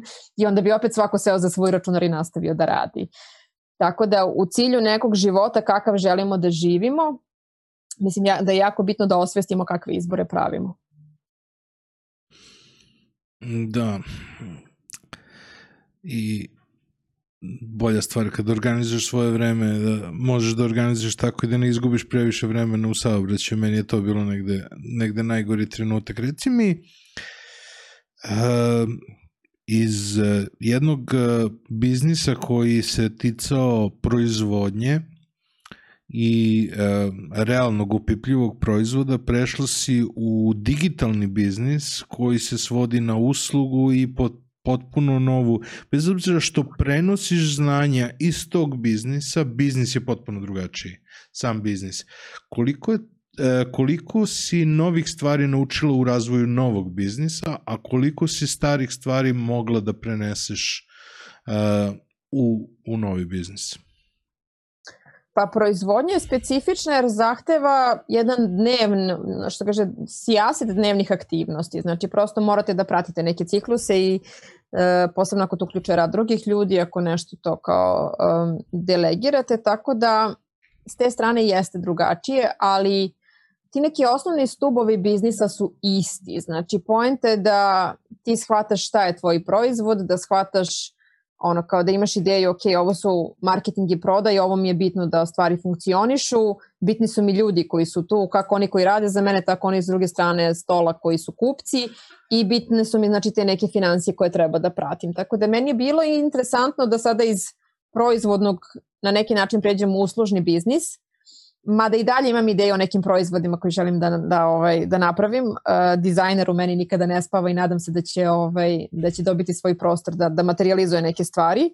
Ali se danas meni nekako to sve preliva. Uh, dosta se promenilo toga u smislu komunikacije preko društvenih mreža. Znači dosta se sve to digitalizovalo, ali principi biznisa kao takvog su ostali isti, o čemu svedoči da danas svi neki mentori, uh, edukatori, da kažem na svetskom nivou, citiraju ljude koji su te uh, stvari pričali pre 60-70 godina. Znači, uh, čitamo, to jest pratimo postulate koje su za sobom postavili Jim Rohn, Zig Ziglar, Brian Tracy koji što znači to su neke stvari koje, o kojima su oni pričali kada je, ne znam, mrežni marketing funkcionisao, koji apsolutno i dan danas stoje, a to je to briga o svojim kupcima, dobar proizvod pre svega, dobra usluga, znači to su neki ono kao temelji svega i onda se to malo primenjuje, malo kao nijanse postoje u zavisnosti od toga šta je, šta je pravi biznis model. Tako da nekako meni je puno značilo iskustvo da i da ja ne samo on šta prenosim drugima, nego prosto da Sada neke stvari uh, radim brže, da neke odluke donosim brže, da budem prosto odlučnija jer mi je jasno da od toga direktno zavisi moj napredak. Znači od toga koliko brzo sam u stanju da, znači koliko dobro odredim fokus, šta je najbitnije čime se bavim i koliko brzo to procesuiram, toliko ću brzo vidjeti rezultate svoga, svoga rada. Mislim da sam u periodu daj daja, da su mi za neke stvari bukvalno trebale godine, ali isto tako danas shvatam da je to bilo pitanje mog ličnog razvoja. Znači koliko sam ja morala da porastem, jer sam ja u nekom momentu bila u fazonu pa kao možda dobro da nisam imala to kao dvoje male dece dok sam razvijela biznis, možda bi se neke stvari više, ono, brže dešavale, ali onda shvatam da im ja ne bi bila dorasla, da prosto bi, ovaj, da bi mene preplavila i da je sve raslo u nekom ritmu E, koji je meni bio, koji sam ja mogla da ispratim, znači koji sam ja mogla onako da, da sebe, jer uvek kažem to je, naš, to je jedan ram koji mi na sebe postavimo i taj ram je kao sad toliki, ja kažem ok, ja sad ne znam, mogu da zarađujem toliko, ne znam, hiljada eura godišnje i to, to sad stoji. Onda ako ja poželim da izađem van tog rama, onda ja moram da, moram da uradim nešto, moram da treniram malo, ono, da, da, da sebe razapnem, da se, ovaj, da se rastegnem van toga da bih pomerila te svoje granice koje sam odredila, a za to je potrebno vreme. Znači to nije, to nije lako i čak i kada želimo promenu, e, ta promena uopšte nije lagana. Znači mi pričamo o tome, mi, mi stremimo ka tome, ali sam proces, sam proces te transformacije uopšte nije, nije tako divan i prijatan kao što bi mi voleli. Često si pominjala knjigu Atomske navike, da ti je pomogla da, da neke nove stvari uvedeš u svoj život i da kreneš u svoju promenu kroz neke male sjajne stvari. Koje su prve stvari koje si ovaj, kada si krenula u, u, u implementaciju toga, koje su prve stvari koje si promenila kod sebe? Pa da, uh, James Clear, ja inače jako volim da preporučujem knjige i to je ovo što moju programu sa fazonom vrate, jedna biblioteka nam treba kad krenemo s tobom da radimo, jer ja za svaku temu imam po nekoliko knjiga, ali ja volim knjige zato što mislim da su prečice, znaš, mislim da tuđe iskustva, tuđe priče. Ja volim da čitam biografije i volim da čitam te ove, praktične edukativne knjige. Mislim da one prosto ti pomažu da neke stvari brže uvidiš i da ih primeniš. E tako James Clear uh, apsolutno podržava tu priču 1% dnevno, znači ono kao, kao što je Kaizen metod, ono u smislu da ne pretovarimo sebe sad kao sad ja hoću da krenem da vežbam i sad moram da vežbam sat i po vremena svaki dan. Znači to možda za mene nije održivo. I recimo ja sam jedna od stvari koje sam radila baš je bilo vežbanje, ja sam ja tokom korone razne stvari pokušavala, uh, i sve se svodilo na neki kućni trening i onda sam kao ajde 15 minuta ovo pa ajde, dok nisam našla šta je stvarno za mene ostvarljivo, zato što u jednom momentu sam shvatila da ako odlazim negde da vežbam, da je to dva i po sata mog vremena i da je to meni sa ovakvom postavkom života neprihvatljivo, da moram da nađem nešto što je tu kod mene kući, što je meni strava i što ja jako brzo mogu da implementiram. I onda sam instalirala gomilu aplikacija sa kojima sam vežbala, sam menjala stvari i tako testirala i dala sebi prostora da nađem šta mi odgovara. I na kraju sam, sad kad je malo, što kaže, situacija popustila, sad sam došla do toga, pošto je lepo vreme ponovo, da idem da vozim rolere na Adi, što je moja velika ljubav i sada kao ludak ponedeljkom i petkom rano ujutru se spakujem i odem sa onim dostavljačima na Adi. Kad oni isporučuju piće, ja vrtim dva, tri kruga i to mi bude super. Tako da ono što, što James Clear u, u atomskim navikama priča i što je meni recimo bilo jako važno jeste to pitanje našeg identiteta. E, koliko kada radimo na nekoj promeni koja nam je važna na privatnom ili na poslovnom planu, koliko je važno da se preispitamo šta je taj neki identitet koji mi, znači šta je ta neka slika o sebi koju mi imamo, kako mi sebe doživljavamo i dogod to ne promenimo, znači ta neka uverenja i priču koju sami sebi pričamo, da sve ono ispod toga što ćemo raditi, što je naše ponašanje, neke naše sposobnosti i neke naše dnevne rituali, neće imati mnogo efekta ako mi ne promenimo ove više nivoje našeg bića. Znači tek kada poradimo zaista na tome šta je za nas moguće, šta je neki napredak i šta je neki naš novi identitet koji želimo da izgradimo, tek onda će te nove navike moći da se, da se prime i da ostanu i neće biti tako usiljene, nego ćemo shvatiti da ne znam, ja sad ako želim da, da krenem da vežbam svaki dan, da, da to ne bude nešto što ću da ograničim, nego da prosto gledam kako to od danas može da postane deo moje dnevne rutine za navijek. Znači šta je to nešto što ću moći da implementiram da mi ne bude opterećenje, već upravo suprotno, da funkcioniš i da mi donosi benefit koji trebam. Tako da ja volim njegovu knjigu jer je dosta praktična i puna istraživanja koje to onako potvrđuju, ali pre svega kaže da to treba da bude nešto što je jednostavno, nešto što mi možemo da primenimo i nešto što nam je lako dostupno i što mi možemo da poverujemo da je moguće za nas. A šta najčešće koristiš od NLP treninga koje si prošla? Pa NLP je onako uh, široko polje. Uh, Koliko je promenio dosta... NLP tvoj život? Pa to je bila jedna od onih priča, to Tony Robbins kaže, ovaj, prodajte im ono što misle da im treba, onda im isporučite šta im stvarno treba. Znači ja sam otišla uh, na, na NLP sa idejom kako ću da unapredim uh, komunikaciju u prodaju u Daj Daj, a rezultat NLP-a i moje edukacije dve i po godine je ovo što ja danas živim. Znači ja sam negde, pošto NLP edukacija sam završila kompletnu edukaciju za NLP trenera, ona se sastoji iz neka tri dela.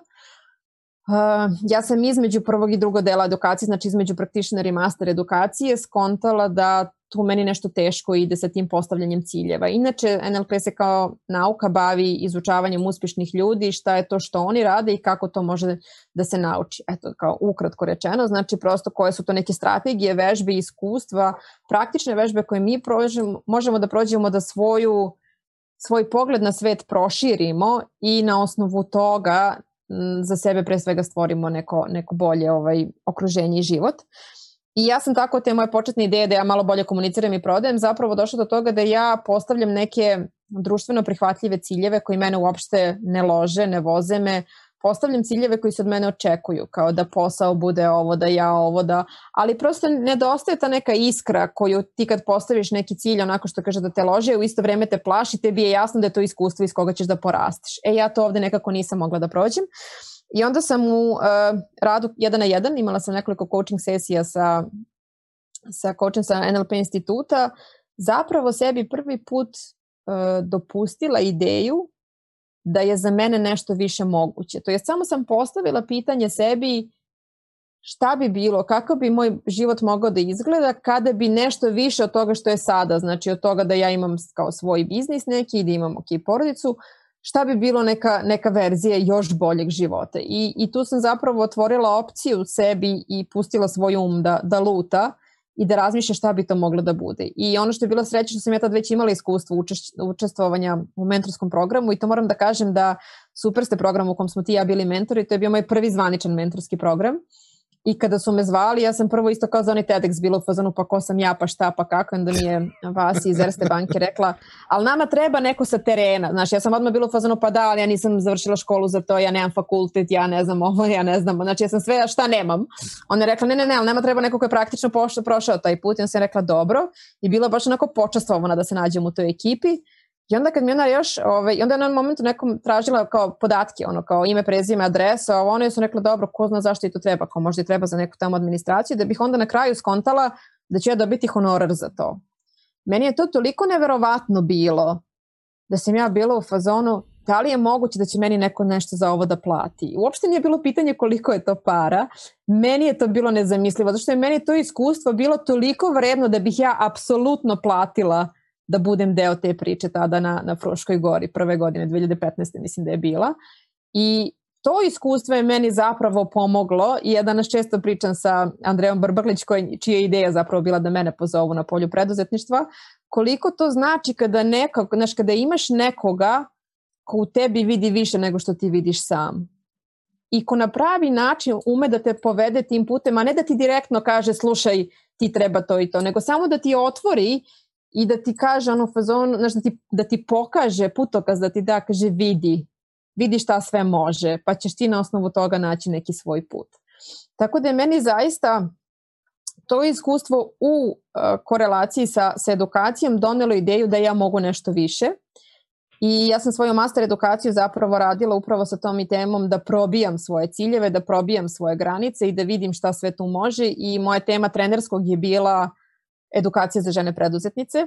Ja sam izašla kao da predstavim svoj rad na silnim nekim modulima koje smo imali. Ja sam tu predstavila poludnevnu radionicu za žene preduzetnice da sam se bavila tako malo ciljevima, malo biznis modelom, malo svim tim nekim kao temama. A onda mi je uh, Slavica Skvar uh, ovaj, dala jedan kratak feedback, dala mi je jednu rečenicu i to jako cenim zato što je ta opet rečenica otvorila neko novo polje u mom životu. Znači nije mi nije ponudila da mi reši moj problem, nego mi je samo otvorila novo polje. Ona je rekla, slušaj, ja mislim na osnovu onoga što ti znaš i šta si prošla, ja mislim da ti možeš više. I tu me je ostavila. I ja sam otišla kući i bila u fazonu, aha, šta bi to više moglo da bude? I pustila opet svoj um tako da lute i to je, mislim, predivno iskustvo kada dozvolimo sebi. Ove, ovaj, I odatle je zapravo rođena ideja za moj mentorski program koji je prvo trajao šest meseci pa sam onda prošla dve grupe uživo u saradnji sa ICT Hubom po tih šest meseci. Oba puta smo probili tih šest meseci, ja sam rekla ovih šest meseci nije dovoljno, moramo duže, onda smo prešli na devet meseci i tako je cijela ta priča zaživela. Tako da uh, NLP je meni doneo onako zaista to zvuči kao uh, onako ispravna neka fraza kao život pre, život posla, ali mi doneo jedan novi život gde sam ja se poravnala sa nekim svojim vrednostima, šta je meni u životu važno. Doneo mi je hrabrost da odlučim da izađem iz biznisa koji sam osnovala, pokrenula i uh, gradila sedam godina, što je za mene bilo jako teško emotivno putovanje, da izađem iz tog identiteta i da shvatim ko sam ja kada izađem odatle, jer sam ja se preispitavala na nivou, a, ali mene svi znaju kao Sonju Daj Daj, mene ljudi tako imaju u telefonu i dan danas memorisanu. Moj nickname na, um, na Instagramu je tada bio Sonja Daj Daj. Uh, sećam se kad sam otvorila Facebook, ti si mi baš rekao, ja sam otvorila profil i stranicu i oba su se zvali Daj Daj Pelene. Ja nisam tela da svoje ime nigde izbacim i ti si rekao ne može tako. ne može tako, stranica može se dove Daj Daj Pelene, ti moraš da imaš svoj profil. Ja sam ja bila isto Sonja Daj Daj jako dugo. Znači, čak čak da kažem taj, taj identitet biznisa je bio jači od mog prezimena, od mog ličnog identiteta i onda je taj, taj moment izlaska i to je ono što je dosta danas vidimo u radu sa drugima koliko se identifikujemo sa time što radimo, a mi smo zapravo mnogo više od toga. I ja sam imala to iskustvo da sam izašla tako ne znajući šta ću sada da radim i da sam na par mailova poslala obaveštenje šta se dešava i da su svi ti neki ljudi koji su sa mnom sarađivali tokom razvoja daj daj sada nastavili sa mnom da sarađuju kao kao Sonja Dakić i, i onda su bile neke, krenule su neki treninzi, neke radionice, neki programi i to je razlog zašto ja danas nemam drugu firmu u smislu ona se zove živi, radi, voli, što jeste neka moja lična mantra, ali pre svega moj danas identitet jeste Sonja Dakić, živi, radi, voli. Znači da je to mm. nešto što, ovaj, što je onako uh, identitet sa kojim danas živim i, i zaista radim u skladu. Ja sam to uvek govorio da je poslovna mreža, svi doživljavaju mrežu kad kažeš poslovna mreža kao ona neka paukova mreža ili digitalna mreža gde su sve neki čvorovi. Zapravo poslovna mreža je ona mreža koja je u cirkusu kada ovaj, kada padneš da te uhvati i da, da ne tresneš u zemlju. Tako da ja sam to uvek govorio ljudima kada gledaju na poslovnu mrežu da je da je ta mreža u stvari bezbedonosna mreža. Što ti je da. jača mreža i veća, to će bolje da te uhvati kad kreneš da padaš i da ti pomogne da se podigneš nazad. Uh, sad smo čuli sve ove stvari koje su te gurnule napred, ali koji je najbolji kompliment koji si dobila? Auh, ima ih puno. ne, nikad pa nisam razmišljala o tome, da. Nismo mi žene nešto sa komplimentima, to još moramo da vežbamo, ali... Komplimenti su druga stvar koja je problematična u životu. Ka, primiti komplimenti, onako, znaš, kada zadovoljan si onim što radiš, a uvijek ti blago neprijatno kada dobijaš neke komplimente, to je neka druga druga komponenta onog nekog imposter sindroma, kao ma dajte, pa da. ova. Pa meni je da i dalje možda mi upečetljiviji taj, taj iz Beča kada mi je žena rekla da je u redu da budem ponosna, jer nekako ja sam uvek imala... Ali to je više savet, zato, zato sam pa, to i izdvojio mene, i, da. i nju i Slavicu sam izdvojio kao neka vrsta, to su u stvari saveti koji te gurnu napredi, kao ćuti i plivaj. A, da. ove, ali baš kompliment uh, može pa iz vremena, znam, iz da. vremena daj daja, može iz vremena mentorstva. Meni je puno ljudi i ja nekako uvek tu jesam onako malo ovaj, ono preispituješ se kao da li to hrani tvoj ego ili tvoju dušu Oba. Puno ljudi je meni reklo da, ovaj, da to nešto što su čuli ili što su pročitali, što su porazgovarali sa mnom im je um, pomoglo i poguralo ih i mnogo im značilo. I ja sam se uvek preispitivala, znači kada dobijem poziv za neku konferenciju i za neki program, iz kog polja odgovaram. Da li odgovaram iz polja da to nahrani moj ego ili da nahrani moju dušu i neku viziju koju ja imam. I trudila sam se da uvek bude ovo drugo. I, i mislim da e, nekako, ja sam odrastala sa osjećajem da sam, e, kako bih rekla, bezbedna, da sam sačuvana. Ne da sam posebna, nego nekako odrastala sam u jednom bezbednom okruženju pored majke koja je zaista zma i dan danas i mislim da iz tog mog, znači ja sam odrastala bez ikakve zabrane, bez ikakvog ograničenja. Ogromna je, pove, ogromno je poverenje koje je ona imala u nas troje i iz tog poverenja zapravo nas je učinila izuzetno odgovornim ljudima danas. I mislim da odatle iz tog izvora što sam ja negde tek poslednjih godina počela da povezujem, dolazi moja potreba da to budem za nekog drugog ko to nema u svom bliskom okruženju. jako je puno ljudi koji su uh, drugačiji odbačeni, um, osuđivani, ne znam šta od svoje okoline i kada nemaš tu prvu, na šta i prvi zid, tu prvu liniju podrške, jako je veliki izazov da izađeš negde. Tako da, mm, recimo, evo sad, sad, se, sad sam se setila, srela sam skoro druga iz osnovne škole. Ja sam uvek, često sam dobijala ovaj, uh, često su mi ljudi opisivali kao ozbiljnu, kao povučenu. Ja sam u suštini introvert, izuzetan, koji voli da sedi negde u ćošku, da ćuti i, i ne voli pretarano da bude pažnja na njemu, što je uvek ljudima interesantno kad te vide na tako nekom događaju, ali ljudi ne kapiraju da ti kad si na bini ti si sam. To nije frka, znači zato introverti mogu da budu izuzetno dobri govornici. E, međutim, e, Darko Nikolić, moj drugi iz osnovne škole, inače novinar u sportskoj redakciji Blica, me sreo sa mojim čerkicom pre dve godine na bulevaru u kraju i on je rekao, kaže, znaš, tvoja mama je uvek bila najnasmejanija devojčica u odeljenju. Ja sam ga pogledala i rekla, stvarno? I on kao, da, ti si uvek bila najveselija. I ja recimo uopšte nemam tako sećanje i percepciju sebi iz osnovne škole i svih tih ludih godina koje smo proživljavali, ali nekako ta slika koju drugi imaju o nama, mm, koju možda ne osvestimo ili nikada ne čujemo, mnogo više govori nego ta priča koju sami sebi pričamo. Znaš, mi smo u stanju da sebi kažemo da pomislimo stvari koje nikada nikom drugom ne bi rekli jer bi ih smatrali uvredom i nekom teškom kritikom, a prema sebi uvojimo da budemo jako oštri. Tako da mislim da je značajno sa ljudima popričati, ono, sesti i reći, ok, zašto ti voliš znaš, da radiš sa mnom? Zašto to, I to je recimo jedna od vežbe koje ja sa mojima radim u programu. Znaš, zašto, zašto voliš da pričaš? Zašto se meni javiš kad ti nešto treba? I odatle zapravo dobijemo mnogo, mnogo jasniju sliku kako nas ljudi percipiraju i šta mi negde njima značimo i šta dobiju kroz neki odnos koji sa njima imamo. Tako da baš sam ti dala širok odgovor na ovo. Jesi, zato ali... što ja, ja volim da ja volim kada radim na, na neke teme da, da pričam sa ljudima, ja imam širok krug ljudi sa kojima volim da filozofiram o raznim temama. I onda kada mi treba ove, ovaj, nešto novo, neki novi materijal za neko predavanje, često pitam te ljude šta je ono što sam ti rekao u svo, svim svojim ono, logoreičnim napadima, ovaj, šta je ono što sam ti rekao da je ostavilo pečat na tebe, da je ostavilo neki utisak i onda ti kažu neke stvari koje ti nikad ne bi ono, pomislio je, da, da ih iskoristiš, ali u stvari je, je negde, negde mnogo važno i kada treba neko da ti, ti da neku i preporuku ili neki kompliment i slično, u stvari te neke stvari ti uopšte nemaš predstavu šta je ono što si ti možda rekao, a da je ostavilo veliki uh, uticaj na, na druge ljude. Da, e sad sam se setila, izvini što sad upadam kao da, da, da se nadomestim. Ma upadaš, Jednom prilikom sam ovo je naš, u... prosto naše da, vreme. pa dobro, ali kao da još nešto kažem na sve ono što sam rekla, znači kada sam jako opširna kao što se vidi.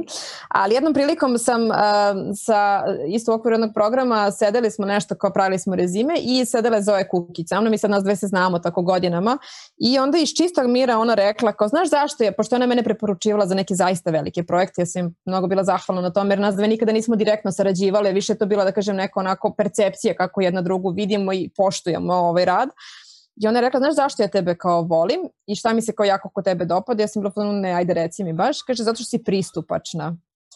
I to je to što ti kažeš, ja sam tad prvi put razmislila zapravo o tome kako mene možda drugi percipiraju i zašto biraju mene možda u odnosu na neke druge ljude i to mi se jako dopalo i to je negde što ja se trudim zašto moje društvene mreže izgledaju kao što izgledaju, zašto način na koji ja pišem, ne znam, i svoj newsletter i svoje blog postave su malo drugačiji, zato što ja volim da imam taj ono pravo u srce, što kaže ovaj, narativ, ne volim da mnogo okolišam, volim da to bude jednostavno, praktično i da, da, da gađa tamo gde treba. I to je recimo jedna od stvari koja je meni onako baš bila značajna, ovaj, da kao kako me to drugi vide. Jer baš što si ti rekao, često toga uopšte nismo svesni, mi imamo jednu percepciju i neku jednu agendu kao ajde možda sa čim nastupamo, a ono sa čim ljudi odu možda bude potpuno, potpuno nešto drugo. Eto plano, da napraviš trening za pristupačnost. Da. ne znam da, ne znam šta bih pričala. pa pitaš Zoju, mislim. Pitaš Zoju kao, ok, objasni mi kao tri stavke koje su važne u znači. pristupačnosti. Kad smo već kod Zoje, uh, Sad zamislimo da je tvoj biznis u rangu svih ovih startupa i da prodaš svoj biznis za velike pare a, i otvaraš fondaciju sa tim biznisom, čime bi se bavila tvoja fondacija? ja bi podržavala druge ideje, tu nema reči. Znači, to samo bi tražila drugi ludake kao što smo mi i, i, i radila sa njima i pomogla da, da neke super ideje. Zato što meni je, puno je programa. Evo, sad ću ti dati jedan primer. Skoro su me zvali u januaru su me zvali Strak fondacije uh, u okviru njihovog konkursa Zelene ideje imaju kao sad neki regionalni projekat Balkan Green Academy kao za neko mentorstvo i ona mene pita jel možeš kao u martu da imaš dva puta po pet sastanaka sa dva biznisa i ja razmišljam ja meni tad kreće kampanja za moj program, pa možda bi stvarno, znaš, možda bi stvarno ovde trebala da kažem ne, da postavim granicu, da se fokusiram na ono što je meni bitno. Eto, možda, jer meni je to jedan od izazova velikih da kažem ne tako raznim projektima. I ja kao sve nešto sad hoću da vežbam, kao ajde to postavljanje granice i sve kao gledam kako da na fin način se zahvalim, a da eto možda preporučim nekog drugog. I u nekom momentu meni Ivana iz Strak fondacije uh, pošalje dva biznisa sa kojima je htela da radim. Jedna od njih je Danica koja stoji za asocijacije zelenih krovova iz Novog Sada. A, drugi biznis je Pruži korak aplikacije iza koje stoje Tamara iz Nurdora i Blogdan, Bogdan iz ovaj, široko poznat. I ja onog momenta kad sam pročitala dve, dve ideje, ja sam bila u fazonu, e, pip, piši me, rekao. Či ne vredi. Kao, Hoću, sign me up, da. Pa bukvalno, znači nebitan je honorar, nebitno je vreme, uklopit ću se, razumije, zašto je snaga tih ideja toliko dobra i toliko velika da, da je meni čast ako sa onim što znam ja njih mogu da poguram. I evo oni će, uh, u momentu kada izađe zapravo ovaj podcast mi ćemo znati da li su prošli. Prošli su u finale oba projekta, u utorak imaju predstavljanje pred žirijem i znaćemo da li su dalje prošli, ali ja sam sa njima toliko sam zahvalna da kažem bila na tom radu i toliko su meni bili inspirativni, znaš, da, da prosto uh, ne znam šta bih rekla, ali prosto te ideje voze i kada bih imala eto neku svoju fondaciju, onda bi to bilo upravo tako da podržim neke takve ideje na razne načine, da, da se stvaraju neke lepe priče i da stvarno onako da svako od nas uradi najbolje što može eto, da, ovaj, za sebe i za okruženje. Je li ima para za dobre ideje? Ima. Generalno, sada. Zato što Ima. imamo ljude koji stalno govore da, da, da, da nema dovoljno novca za, za dobre ideje i imamo sa druge strane e, jako mnogo, pa ne baš jako mnogo, ali imamo ljude koji su već prošli celu priču i realizovali neke ideje i oni su u fazonu kao kad imaš dobro postavljeno sve uvek najlakše pronaći novac. Uh, jeste, ja sam bila u situaciji pre opet neke 4-5 godina sedim na nekoj konferenciji u Splitu su me zvali, ja sam sedela u sobi sa 300 bankara. Sad bankari nisu baš moji drugari, ja nisam iz tog sektora, radila sam i zarađivala sa bankama, ali nemam taj način posmatranja, i, ali su meni oni jako pomogli. Mi smo tokom dva dana pričali, ja sam tu išla da iznesem eto neko naše iskustvo kako je daj daj se razvijaju uz različite vrste finansijskih pomoći. Ovaj, ali su oni upravo to rekli, para uvek ima, I ako pitaš nekoga ko iz bankarskog sektora, oni potpuno posmatraju novac na drugačiji način i on je nešto što treba da teče, da se investira, reinvestira i da kruži. Sa druge strane, eto, to je jedna od stvari koje mi kao građani nismo pismenjeni dovoljno, nismo edukovani da to tako posmatramo. Imamo si jasno nekih drugih uverenja vezano za, za novac i ulaganje, ali apsolutno ima s tim što tu postoji jedna bitna stvar. Meni kada neko priđe i pita me na nivou razvoja ideje gde da nađe podršku i šta postoji, ja im dam neke linkove i prosto im kažem da ispratim, ali jedno od pitanja kojih ja pitam jeste koliko si ti spreman da uložiš u svoju ideju.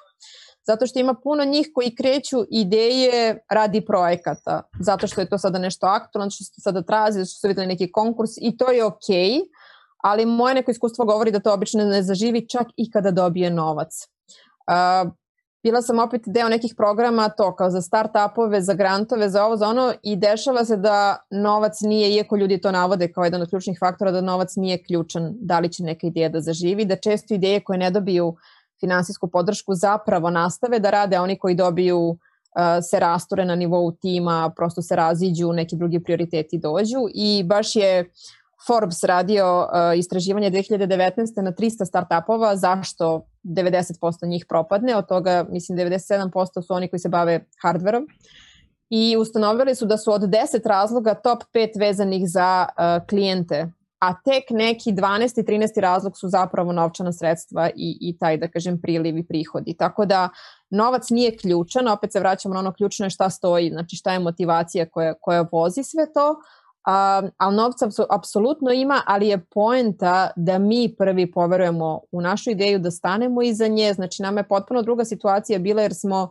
u daj, daj, uložile sobstvene pare i tek onda posle nekog dokazivanja na tržištu proizvoda svega, bile u situaciji da uzmemo kredit, što dosta ljudi čak neće ni kredit da uzme za svoju ideju, nego očekuje neke grantove i bespovratna sredstva. Znaš, ako ti ne veruješ dovoljno u svoju ideju da uzmeš kredit i da možeš da ga otplatiš sa nekom finansijskom konstrukcijom, onda stvarno treba da se preispitaš šta je, o čemu se tu radi. Tako da mislim da je mnogo bitnije pitanje koliko naš, oni koji stoji iza ideje prvenstveno veruju u nju, a onda kada veruješ, onda će lako i drugi da poveruju. Znači, i želeće da budu deo te priče. Znači, ako uspeš da, da ispričaš, da podeliš dobru priču, oni će želeti da budu deo nje.